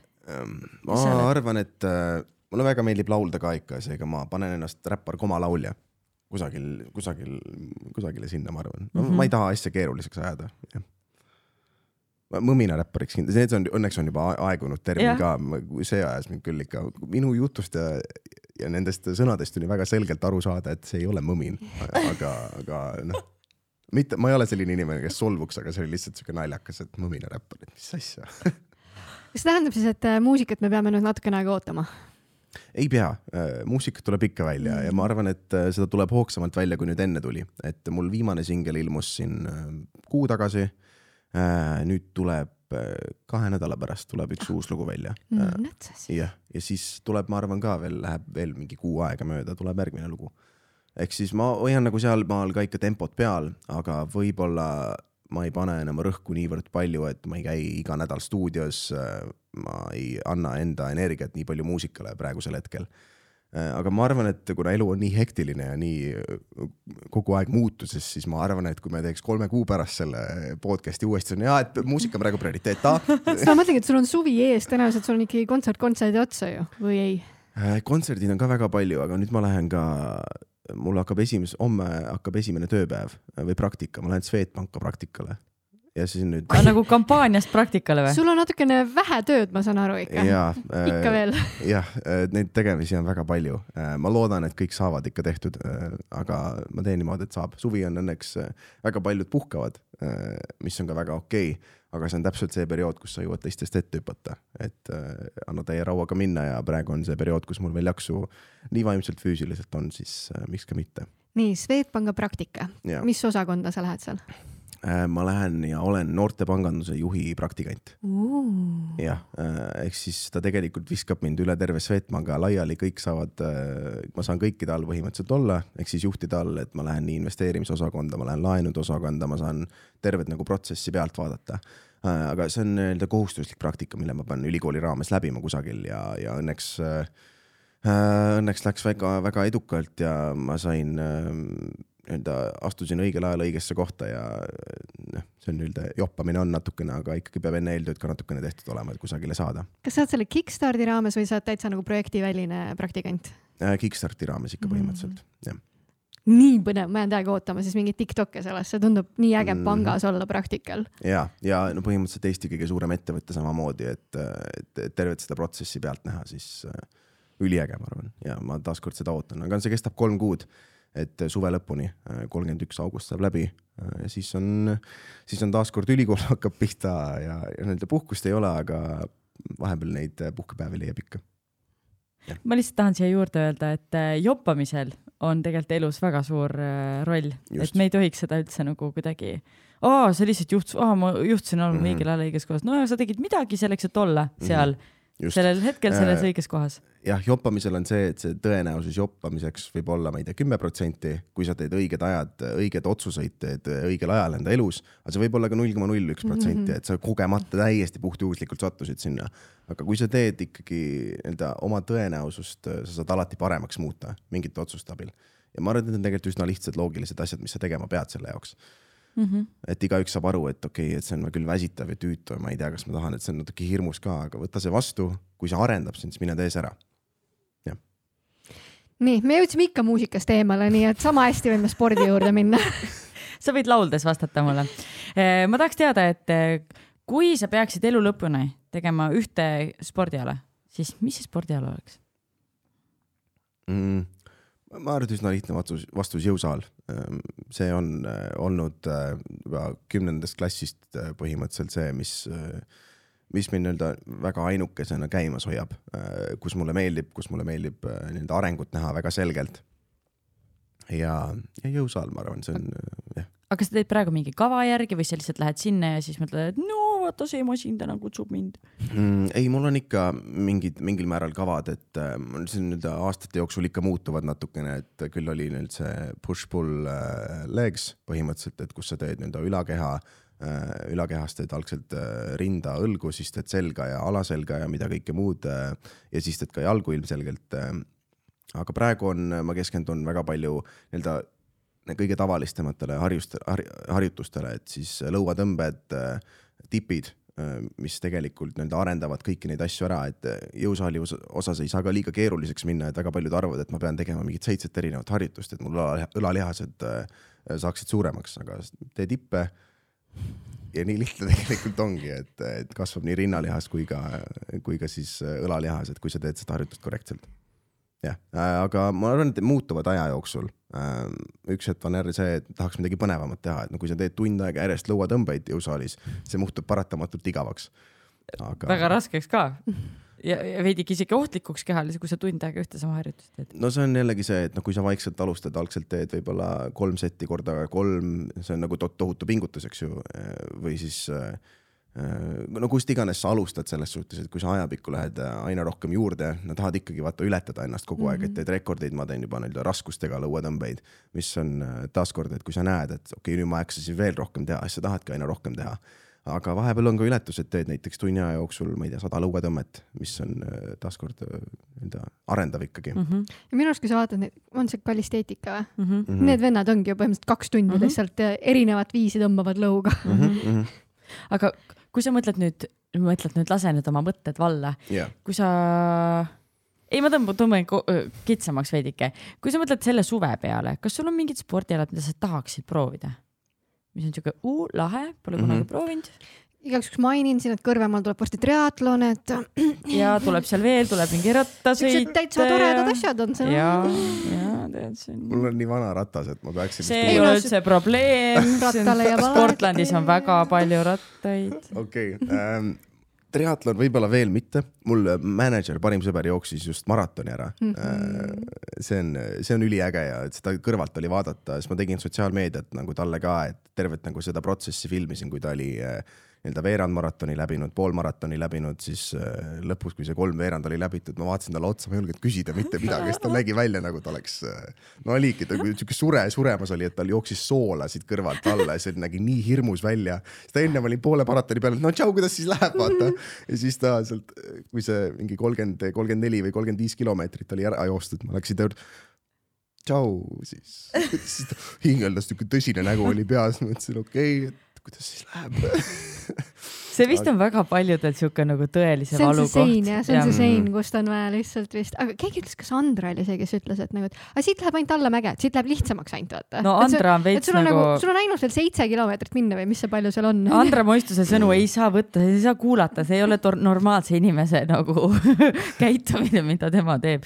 kes ei tea, siis äh, Andra on üks Eesti, ongi Eesti parim nais-crossfitter, minge mm. kuulake, me tegime temaga ühe saate ka väga lahe. jah äh,, ma, see on hämmastav, mida need inimesed läbivad, et see on nagu mingi, mingit teist sorti äh, valu ja, ja läbi, läbi selle nii-öelda kehalise, kehalise nii-öelda pingutuse läbimine, see on, see on täiesti mõtlematu, mina teen pigem nagu rohkem ikkagi rahulikult, et äh, kuna neid äratõmbamisi ja, ja mingeid valusid tuleb ka ikka isegi noh, jõusaalis, siis ma üritan pigem rahulikumalt nüüd edaspidi võtta, et äh, et see on ka ikka väga tüütu ja nukker, kui sa mingi kuu aega ei saa mingeid asju teha, sest sul lihtsalt valutab või sa oled ära tõmmanud selle. aga ka eneseületamine on väga tähtis osa, et kui ei ole pingutust, ei ole ka ikkagi tihtipeale tulemust. oota, aga mis see spordiala siis ikkagi on? mis me siis see suvi teeme? sulle ju väljakutsed meeldivad. ma arvan, et äh, ma olen ülipikalt tahtnud padelit mängima minna ja see tundub siuke. vaat, vaat kui lihtsa spordiala ikka võttis. see ei ole üldse lihtne. ei nagu, kui sa mõtled praegu sellele, et kas joosta maraton või minna Viru keskuses sinna ilusale mõnusale päiksepaistelisele padeli mingile chill'ile sõpradega, siis noh no.. no true, true. jah, ma selles suhtes mulle pigem meeldib äh, võtta niimoodi, et sport on väga tähtis, aga kui ma pingutan äh, nii-öelda tööasjadega, kui ma pingutan seal nii palju, siis mul on tunne, et ma lihtsalt kurnan ennast ära niimoodi sellise tasemeni, et ma ei jaksa enam mitte midagi teha. et tuleb hoida tasakaalu, et päeva lõpuks sa ei suuda äh, kõiki rahuldada, et sul on pere, sul on enda töö tegemised, millega sa tahad tegeleda. sul on sport, sul on oma kaaslane, sul on sinu vaimne tervis, su füüsiline tervis, sa ei jõua sada protsenti kõigele anda. ehk siis ongi see, et kui sa väga armastad sporti, tee sporti, tee seda täiega, nii nagu sa naudid noh, siis paratamatult sa pead tööasjadest natukene ära andma, et kas sa teed siis poole kohaga või sa teed seitsekümmend viis protsenti, aga sa pead leidma selle kuldse kesktee, kus sa ei põleta ennast läbi. sest no kaaslasele läheb väga palju energiat Äh, et no kuigi sa tahad ju seda energiat anda, siis noh, päeva lõpuks, kui sa tuled koju, sa oled täiesti väsinud tööst, jõusaalist, millest iganes, sa oled noh, sa, sa oled nagu, no oledki nagu surnud inimene, kes ei jaksa enam nagu suhelda ka, aga noh, sa tahad ju sinna ka energiat veel anda ja siis no tihtipeale sealt tulevad väga paljud probleemid. Mm. -hmm eks ühesõnaga, ma arvan, et padel on siuke lihtsalt lõbus, et vaata, saadki sõpradega natukene mängida. et siis sain ju panna kutseteele ja, ja. meil see põhi, padeliturniir on ikka veel siin tegemata, nii et. jah, seekord võtame siis need naised, paneme teeme teeme ikka siukse nagu mix and match suveka. see oleks päris lahe ah,. ja siis äh, ma kunagi mängisin väga palju golfi äh, Jõelähtme golfiväljakul, ma arvan, et see, ma nüüd olen vist mingi kolm-neli-viis aastat pausi teinud sellest ja ma tahaks seal uuesti ree peale saada Äh, kasvõi range'ile jõuda, natukene palle lüüa, aga väljakule, väljakule ka ikka. aga diskgolf? diskgolf on, äh, mul enamus sõbrad mängivad ja mul siis enda ühe sõbraga me oleme nagu ainukesed, kes, ma, ma tegelikult, ma usun, et see on tegelikult väga lõbus mäng, mida mängida sõpradega, ma mäletan, mul oli lihtsalt viis aastat tagasi mingi kogemus, kus me läksime vanematega mängima, nad sunniviisiliselt käisid, no viskame ära need asjad, siis me olime kusagil keset metsa mingi, mingi, mingi, mingi ketas oli käes, ma mõtlesin, mis asi see on, ma ei saa aru sellest, miks ma mingit, mul on mingi ma ei tea, mingi kakskümmend korda olen visanud seda asja, ma ei jõua selle korvini välja, see ei ole lõbus, ma ei jaksa siin sambla peal kõndida enam ja siis äh, see korv on ka vahepeal, võib-olla oli mingi keerulisem rada, aga see oli ka mingi kolmesaja meetri kaugusel ja siis mõtled oh, kus sa kolmesaja meetrise rae Eestis leidsid? võib-olla nii, ma ei tea enam no,, ma arvan, äkki oli sada viiskümmend, kakssada, mis iganes, ühesõnaga pikk rada tundus olevat mm. -hmm. no võib see pühapäev vaadata, oh ma ei tea, millal see nüüd eetrisse muidugi läheb, meil Kõrvemaal on praegu valitsev mm -hmm. maailmameister, kes on ma... Paul McMeth, et kui sa lähed vaatad korra, kuidas tema mängib, siis sulle hakkab see spordiala mhm. meeldima mm. -hmm. ma kuulsin ja keegi poistest mul saatis selle pildi, et ta oli Tallinna lennujaamas ja. me olime kõik lihtsalt. oota, see on pühapäeval või laupäeval? see on äh, reedest pühapäevani, pühapäeval on siis viimane raund selge. ehk et nad ju mängivad sedasama rada läbi mm -hmm. päris mitu korda, sest äh, maailma tipud on ikka väga sarnasel mm -hmm. levelil, et lõpus mm -hmm. ongi see, et kui vastupidav sa oled, et kas sa mm -hmm. suudad kolm päeva järjest perform ida nagu top notch noh. me, ma ka eile õhtul siis äh, kuulsin seda, mu elukaaslane mängib mm -hmm. discgolfi ja siis meil on tegelikult laupäevaks plaanid ja siis vaikselt hakkas tulema. oo ma ei teadnudki, et Paul Macbeth on siin Eestis, oo Kõrvemaal mängib, ma mõtlen, huvitav, kuhu ta küll nagu läheb nende selle oma nagu selle lausega, et kas tuleb, et kallis, kas ma võin äkki meie plaanid ümber muuta, äkki ma võin mm. sinna minna, et see oli naljakas nagu oo, et ta on seal. Ja, ja, ja ei tea, täiesti uus informatsioon, keegi pole mulle seda veel öelnud nii et no ma saan aru, nii et um, see on tõesti vinge, nii et. me lihtsalt pidime seda teemat puudutama, sest mm -hmm. nagu discgolf on minu arust praegu tõusev spordiala Eestis mm, -hmm. et kui sa ja. veel ei ole sellele võimalust andnud, siis anna ikka. ülipaljud äh, lähedased ja sõbrad on mul mängi-, mängivad seda ja noh, mängivad ikka, mõni mängib isegi poolprofessionaalselt mm, -hmm. et lihtsalt on nagu äge on näha, et mingid, mingid uued spordialad, spordialad tulevad ikka välja, ma arvan, et padel võib ka üks nendest olla, mis mm, -hmm. kui neid äh, ruume ja halle tehtaks rohkem, siis ma arvan, et see see leviks, leviks nagu kulutuli. aga noh, me saame aru, et sa ei saa kõikjale oma energiat panna, nii nagu ja. sa siin rääkisid, onju, siis neid ähm, asju, mida teha, on vaja päris palju mm. -hmm. mis prioriteedil su enda vaimne tervis seal tabelis on? ja kas ja kuidas sa sellega tegeled mm,? ma arvan, et äh, vaimne tervis, tervis on mul olnud nüüd juba viimased ikkagi noh, terve elu on tegelikult väga-väga-väga korras olnud, et on kindlasti madalpunkte olnud ähm, kui ma nüüd praegu mõtlema peaks hakkama, ma ei ole kindel, kas ma isegi oskaks välja tuua. ma arvan, et ei ole nii ekstreemsed, kui paljudel on ja nagu ma ütlesin kunagi siin paarkümmend minutit tagasi juba, siis mul on tegelikult äh, äh, elu on väga hästi läinud, mul väga korras olnud, et ma olen väga tänulik selle üle, et mul ei ole olnud mingisuguseid traagilisi sündmusi ja hetki, kus ma oleks pidanud end, end väga sügavalt leidma, ehk. aga sul ei ole elus olnud ühtegi lahkuminekut või? Äh, mul on olnud, aga paljudel juhtudel ma olen, ma olen õnnelik olnud, et need on et, et no need on nagu nii traagiliselt lõppenud, et sa lõpuks nagu oled oh,, jumal tänatud, et see asi on läbi. et, et noh, see on nagu- nagu naljakas ja ego- egoistlik taas öelda, aga, aga need on need gümnaasiumi omad, et need, need on nii, nii, nii kaootilised igatepidi, et. inimesed otsivad alles ennast ja ei ole päris. jah ähm,. Nii et sul ei olegi ühtegi asja, mida sa vajaksid või mida sa peaksid tegema, et äh, oma vaimset tervist korras hoida, et sa ärkad hommikul üles, särad ja lähed õhtul magama, särad. äh,. ikka on nagu taaskord, et et ma arvan, et mina samamoodi otsin praegu seda kuldset keskteed, et kus hoida enda nii-öelda sport, tööasjad, kaaslane, kõik need asjad, mis ma varem mainisin, et leida see, kus sa tunned ennast, et sa ei ole üleväsinud iga õhtu või siis, et sul oleks tegemisi niimoodi, et sa ei jõuagi kordagi puhata, no see on nagu, kui, kui sa ei suuda, kui sul ei ole aega lõpuks puhkamiseks, siis noh, paratamatult sa üks hetk ikkagi põled läbi, et sa ei jaksa kogu aeg sada protsenti enda energiast anda iga päev et, et neid hetki on ikkagi olnud, aga ma kuidagi olen läbi nendest läinud ja, ja siiamaani ei ole veel olnud sihukest äh, tugevamat läbipõlemist, aga äh, kuidas ma nüüd mõtlen, aga ma arvan, et väga tähtsal kohal, et, et hoida enda vaimset tervist, on ikkagi need inimesed, kes su ümber on. mul on ülitore kaaslane, kes on ülimotiveeriv, kes ise tahab ka, pürgib kaugele me kuidagi motiveerime üksteist ikka edasi ja edasi. sõbrad samamoodi, Jürgen, Markus, Miku, Markus Mikk, kes on Eestis äh, äh, väga tasemel režissöör ja videograaf, ma ei tohtinud videograaf öelda, meil on meil on vana naljakas selline. Markus Mikk, ta on siis Vaasis jah? Äh, ta on praegu Vaasis Mhm. mm, -hmm. Aga ta teeb ka väga palju nii-öelda neid äh, nii-öelda independent projekte, kus ta Mhm. nagu ise tahab nii-öelda kunstlikult ja ägedalt äh, projekte teha ja ma olen öelnud ka, et kui me muusikavideoid teeme, siis nagu lase enda fantaasial möllata minna, et ma tean, kui väga äh, režissöörid hindavad seda, kui neile antakse täiesti vaba maailm, et ma annan loo ette, et mõtle sellele muusikavideo välja, et ma võin mingisugust inspiratsiooni anda sulle, et mis nagu punktidest lähtuda. aga, aga sa, aga sa saad nagu enda mõttemaailmal täiesti vabaks lasta, et, et mõtle mida iganes, aga jah, nagu Miku, Markus, Jürgen, Artur, Tristan, kõik meil, kes on nagu, noh, Tristan on mul üks sõber, kes õpib äh, Dubais äh, praegu filmi äh,.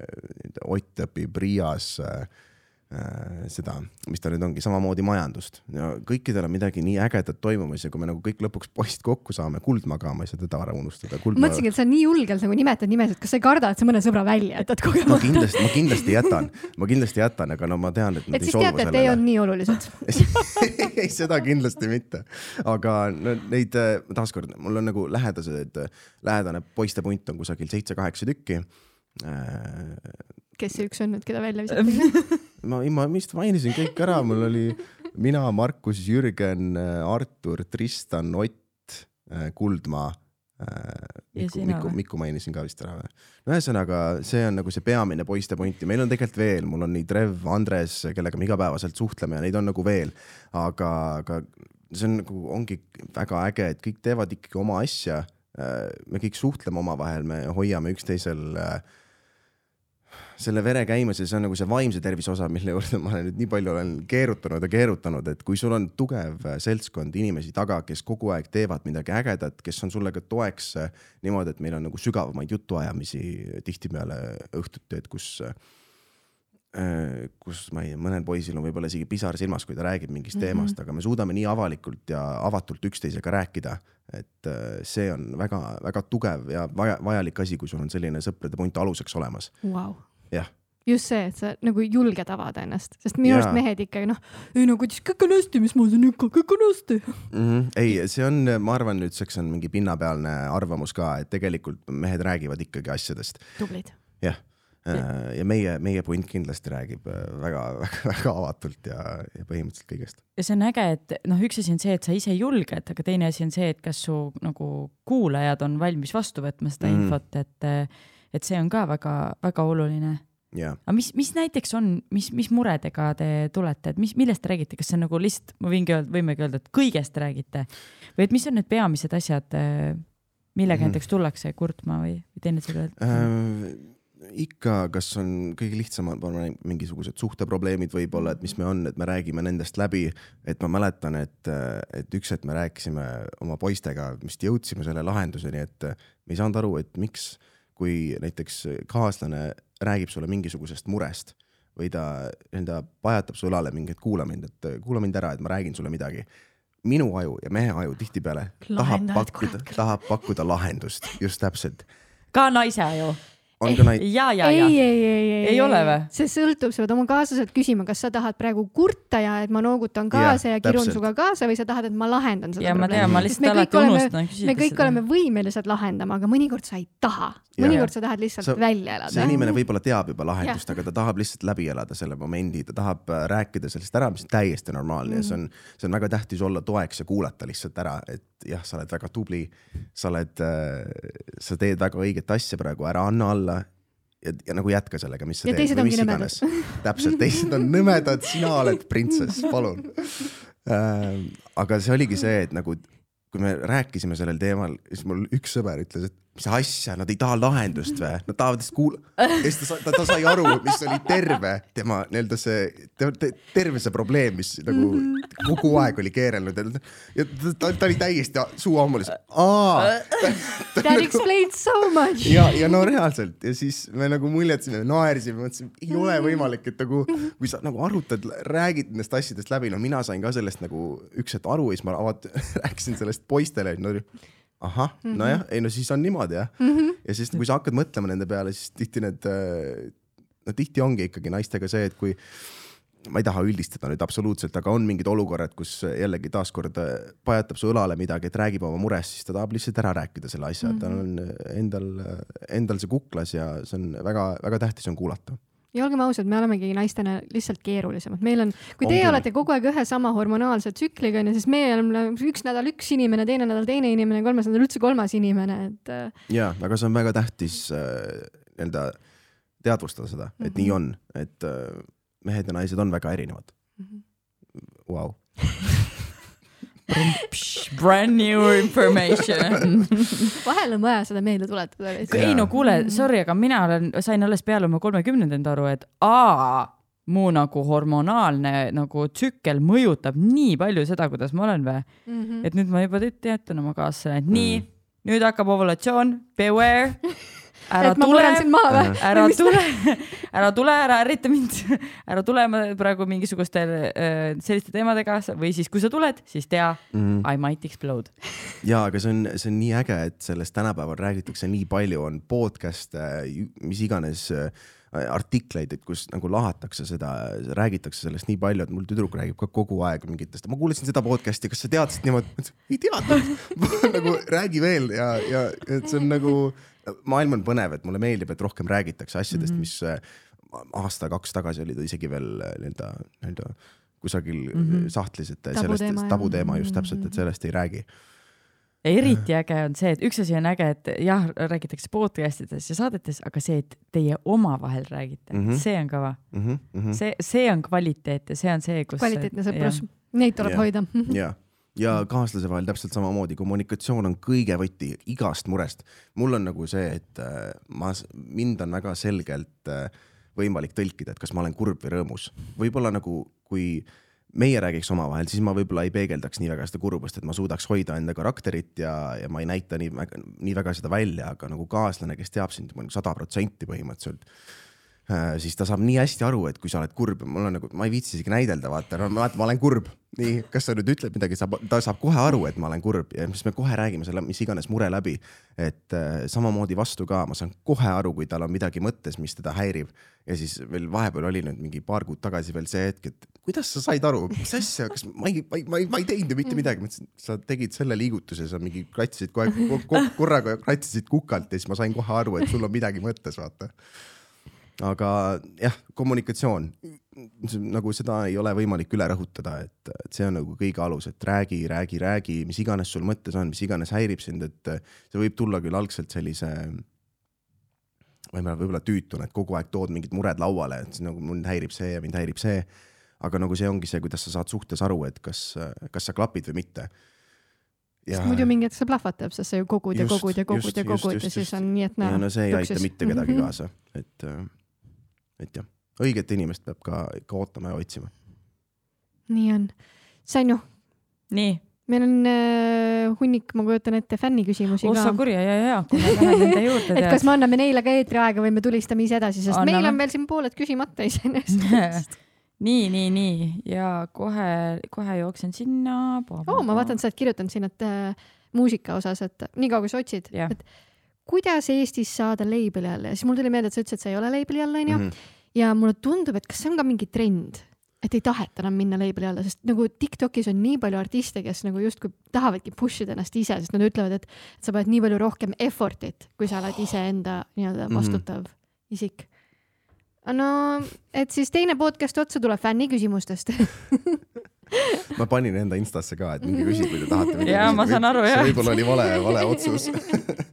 ei, aga no USA-s on ja, ja läänemaailmas on kindlasti see praegu leviv trend, et, et lastakse välja enda muusikat iseseisvalt mm -hmm. ja väga suur põhjus selleks on taaskord TikTok mm, -hmm. kus sul on võimalik turundada ennast nii lihtsalt, sa mõtled selle trendi välja mis iganes nagu parasjagu on ja sa suudad, kui sa paned enda muusika sinna taha, siis no see klikib ja see jääb kusagile mm -hmm. kinni ja minnakse ka Spotify'sse kuulama. Ja mul on nii ole, palju muusikat, mida ma muidu tõenäoliselt ei kuulaks, aga kuna ma olen seda nii palju kuulnud juba TikTokis mm, -hmm. siis Mhm. olen, ah kurat, see on hea lugu ja, tegelikult. ja väga paljud artistid ei olegi label'i all, et nad võib-olla küll peale seda ühte lugu lähevad, mis on ka nagu noh, et, et kas peaks, aga no see on nüüd juba igaühe enda otsustada ja Mm. enda analüüsi põhjal. aga et see ei olegi tegelikult mulle- üldse must have onju. Ta ei ole kindlasti must have, ma arvan, et äh, ta annab taaskord mingisuguse hüppelaua, aga on väga tähtis ka, et sa saad ise sellest protsessist aru, kuidas see käib, mille eest label maksab, et see lugu tuleks välja mm, -hmm. mille eest sa ise peaksid maksma, et, et on mix ja master ilmselgelt, et sa lähed kusagile salvestama, sa maksad sellele inimesele, kes paneb sinu loo kõlama, nagu ta oleks lugu mm. -hmm. produktsioon samamoodi, et see instrumentaal, mis seal taga on, see maksab kui sa paned, laed ta kusagile keskkonda üles, siis noh, tegelikult mina maksan iga äh, aastast tasu, et, et mu muusika oleks üleval Spotify's, kus, kus ta on. kui sa teed videot või visuaali, siis sa maksad sellele inimesele, kes, kes teeb selle visuaali, kõik tahavad enda osa ja kui sa tahad nagu tegelikult tervikuna välja lasta, siis, siis see on kallis protsess ja tegelikult muusika tegemine ei ole üldse odav, sest noh, see tasu, mis sa sealt vastu saad, võib potentsiaalselt ma ei tea, ta ikka toob alguses to tohutult miinust, et ta ei tulegi sul kusagil tagasi. Ja no jää lootma selle peale ka, et seda kuulatakse ja üldse läheks levima. aga, aga sa peadki seda protsessi läbima, läbima loomulikult, et äh, ära eelda alguses midagi, et see läheks populaarseks, tee seda niimoodi, nagu sa teeksid seda südamest, et lase välja, kui saab kuulamisi, saab, aga kui sa päriselt kui sa teed seda kuulamiste pärast, siis on juba nagu pekkis veits, et ära tee seda raha ja kuulamiste pärast, mul oli just äh, ma teen ka Raadio kahes saadet äh, iga esmaspäeva õhtu ja siis nüüd sai läbi praegune ho- hooaeg, eks. mis saade oli? äh, saate nimi on Buss kaheksakümmend kaheksa, meil on räpiteemaline saade, mul kaassaatejuht äh, Aleksander Algoga, hästi talendikas äh, muusikaajakirjanik ja tegelikult ajakirjanik üleüldiselt, ta ei tee ainult äh, muusikat enam ammu, ammugi mitte. aga, aga jah, me keskendusime räppmuusikale, lasime Rootsi, Soome,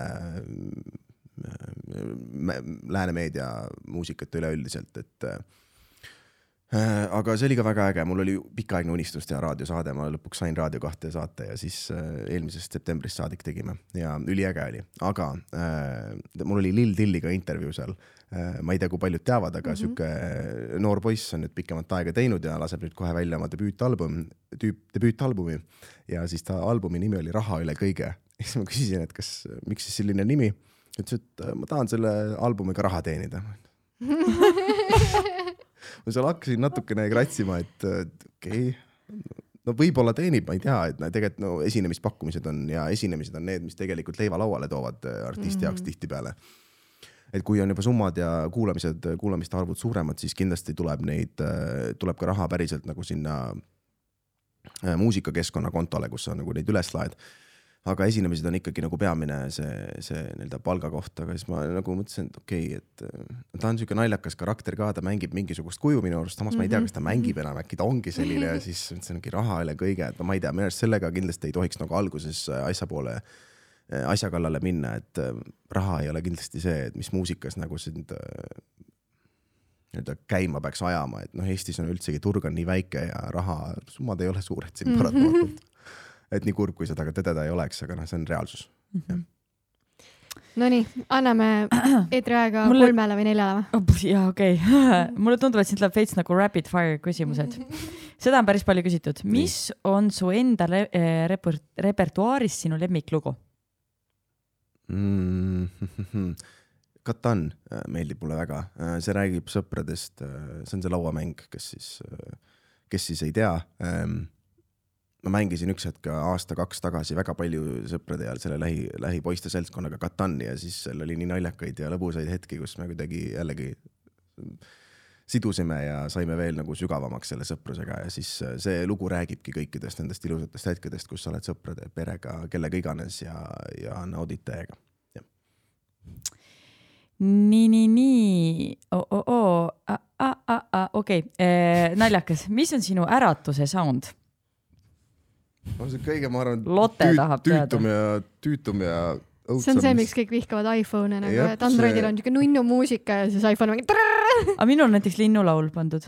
oh my god ja. mul on vist Twinkle, kui ma ei eksi, mis on ka enam-vähem mul on okay. reaalselt linnud hakkavad laulma ja see on niimoodi, et no, nii, eh, kui kuuleme need... nüüd. on see ikka vist või?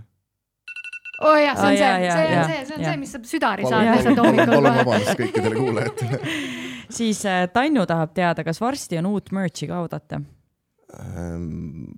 Merch, äh, merch'i osas on vinüülid on veel minu kodulehel saadaval äh,. särk särke on ka äkki kolm tükki, aga mul nüüd müüsid need kõik välja, ma rohkem praegu ei tee, et kui tuleb uus uh,, uus album, siis uh, suure tõenäosusega tuleb ka uusi särke, pusasi, mis iganes sellel hetkel, mille kasuks ma sel hetkel otsustan, aga praegu, praegu on vinüülid, et ostke neid mm. -hmm. pead uh, hoog merch'i tegema hoog, hoog merch. Collab tõsi, hoogu, hoogiks Sam. jah, andke, andke Samile hoogu, et, et ta ja, neid äh,, peaks merch'i tegema. selle hooga saab nii palju panna välja mõelda, et see on äh, lõppematu. siis Elis tahab teada, kuidas püsida fookuses mm.? järjepidevus on väga tähtis, et äh, kui on jällegi selline hetk, kus sa ei tunne, et, et võib-olla sa ei taha muusikat teha, siis noh, tegelikult on loomulik samm sel hetkel, et ära ära nagu sunni ennast äh, muusikamaailma, et on väga okei okay paus võtta.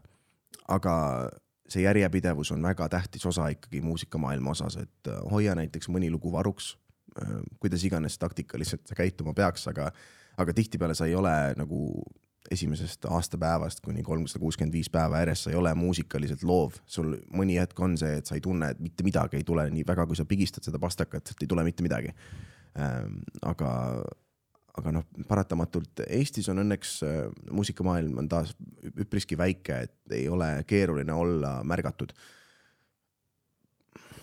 jah äh,, seda on nagu kurb ja tore samaaegselt öelda, et nagu mul on äh, lihtsam, lihtsam teha ja lihtsam olla märgatud, aga taas tegelikult on nagu ma täiega tahaks, et Eesti muusikud laseks rohkem muusikat välja, mida äh, mida saaks siis kuulata ja nautida, sest no paratamatult neid uusi artiste tuleb ikkagi üpriski vähe mm -hmm. peale et ähm, ma arvan, et see ei ole väga keeruline, kui sa vähegi tahad, kui sul on vähegi tahet, siis mine kirjuta see lugu, noh, pinguta ilmselgelt, et ära tule nagu niisama lööma mm, -hmm. aga, aga fookuses olemiseks järjepidevust on kindlasti tarvis ja tahet ka väga hea soovitus ja siis äh, siia on kirjutatud, et pole küll küsimus, aga Sam, sa oled megalahe inimene, oled huvitav ja inspireeriv ja teed best mussi. noh, vot kui tore. teised, sorry, ma võin sulle edasi saata need küsimused, siis sa võid oma, oma Instas vastata nendele. või siis järgmine kord podcast'is, sest mingi hetk me peame ju teisele ringile ka minema. jaa, absoluutselt aga, aga, aga meil on äh, sinu käest veel mõned soovitused. mida me tahaksime, et, et sa siis meie mm -hmm. kuulajatele edasi annaksid. esimene neist on üks teos, mida sa soovitad siis inimestel tarbida, olgu see siis muusika, näidend, raamat, podcast, mis iganes teos mm. -hmm. Mm -hmm no ma panen natukene kõike, mulle väga meeldib Ann Marleni viimane või noh, esimene debüütalbum ja viimane album ähm,. jah, seal on väga palju häid lugusid, seal on väga palju trumme, trumme, drum and bassi, aga võib-olla see igale ühele peale ei lähe, aga mulle tohutult läheb ja minu arust on tõsiselt, tõsiselt ilus ja, ja äge ja ta on tõepoolest südame sinna pannud. ehk siis kuulake seda, Ann Marleni viimast ähm, filmide osas mul on pikaaegne favoriit olnud Whiplash, et mm., et see võib-olla on ka, et sa annad ikkagi sada protsenti endast, no täpselt see film, et sa lähed nii kaugele, millele enamused ei ole suutelised. võib-olla täna, kellest on väga palju räägitud, on, mis selle mehe nimi nüüd on, kes nüüd selle maratoni on nii palju jooksnud mustanahaline, kes nüüd on vist see tuletõrjuja kusagil mingis metsas see, who's gonna carry the boats, mul ei tule selle mehe nimi meelde mm.. ma ei tea isegi. Ma pean nüüd, mulle No mind jääb kripeldama väga kiiresti, et äh, võib-olla ma tõin kõige halvema näite, et who's gonna carry the boats, et see selle põhjal vist väga aru ei saa, aga äh, mis see nüüd ongi? David Coggins aa, David Coggins ja, Jaa. oi jumal. no ühesõnaga, see on võib-olla selline inimene, kes mm. -hmm. nagu Miles Teller, kes selles filmis äh, nende peaosa on ja kes mm. -hmm. selles karakteris on, siis äh, ma arvan, et nagu väga eluline näide on tema. ta oli minu arust äh, sõjaväelane ka ja, kunagi. ja, ja Navy Seal ja ma ei tea, mis asjad kõik muud, et tal on päris äh, lahedad raamatud, kunagi ammu lugesin ka ühte tema Mm. raamatut, ma ei mäleta, mis see pealkiri no see on täiesti hullumeelne inimene. ta on veits crazy jah jah. mm. -hmm. nii, aga teine soovitus, üks oskus, mille iga inimene võiks oma elus ära õppida suhtlemisoskus on päris hea. mm. -hmm. tuleb kasuks onju. jah, pigem tuleb, et äh, kui sul on, kui sa oskad inimestega rääkida, siis see avab väga palju uksi. Mhm. et seda on keeruline võib-olla arendada, aga noh, ühesõnaga ikka, ikka on, pane ennast sellist, sellistesse olukordadesse, kus sa ei tunne ennast mugavalt ja siis, siis sa arened. või leia sellised väga head sõbrad, kellega katsetada, harjutada. just. üks koht, mida võiks kindlasti külastada. no tee sõbrale head meelt, ütle turba. turba. seal, kus need hoogtõuksid on, minge proovige järele. oled ise käinud seal? saate Raplasse või Kohilasse tulla, saate hoogtõukerattaid proovida. ei, aga ma usun, et äh, ma, ma kindlasti on mingi koht Eestis, ma tahaks öelda, mul ei tule praegu meelde, mulle väga meeldib Saaremaa. Saaremaale soovitan minna ja no jällegi taaskord minge Raplasse, minge proovige hoogtõukerattaid, küll need tulevad ka varsti sinu, sinu lähimas linnas. kuule, sul on selline hääl ka minu arust, et sa võid vabalt, vabalt neid voice over'id lugema hakata. Mm. ma olen, see on taaskord siuke väike unistus olnud, et ma tahaks kusagil mingile reklaamile peale lugeda. mul ka, ma võin sulle anda kontakti pärast, kus sa No, saad minna anna. ja hääleproovi anda mm. Mhm. -hmm. Väga äge. sest ma kujutan ette, et sa oleks multikategelasena ka väga äge. keegi, jaa, ma rääkisin, võtame Tiktokis teen ka mingeid asju, siis äh, mulle väga meeldib mingit näitlemist ka natukene mm. -hmm. teha, et kus ma mängin mingit muud karakterit ja siis äh, keegi ütles ka, sobiks nii hästi multikat, multikatele peale lugema, ma ütlesin palun väga kutsuge mind, ma tahan, tahan tee juba mõni mingi näidis endale Tiktokeri, ma vaatasin just Keili Sügioinen käis just lugemas mingile multikale sisse Mm. mm.. et äh, Mm. viska eetrisse korra, näita, kuidas sa teed seda. oota praegu kohe või? ei nagu siis, kui sa Tiktok teed. ja, aga võid meile siin praegu kohe ka. ei ma, ja ma korra mõtlesin, et okei okay,, oota, mis karakterit ma nüüd tegema hakkan, et juba et Tiktokis pigem nagu. ja, ja, ja nii noored, kas me pakime ennast tänaseks kokku? Mhm. aitäh, Sam, et sa meile külla tulid ja. Väga äge et, äh, aitäh, et vastu võtsite mm. -hmm. nii tore, mulle nii meeldivad sisukad noored ägedad inimesed, nii et äh, loodame siis sinuga veel vestelda. Järgmise korrani, Mhm. loodetavasti. ja, ja sada protsenti. Ja aitäh, kuulajad-vaatajad, et olite taas kord meiega ja järgmise korrani. Bye bye. Sportland, Be First podcast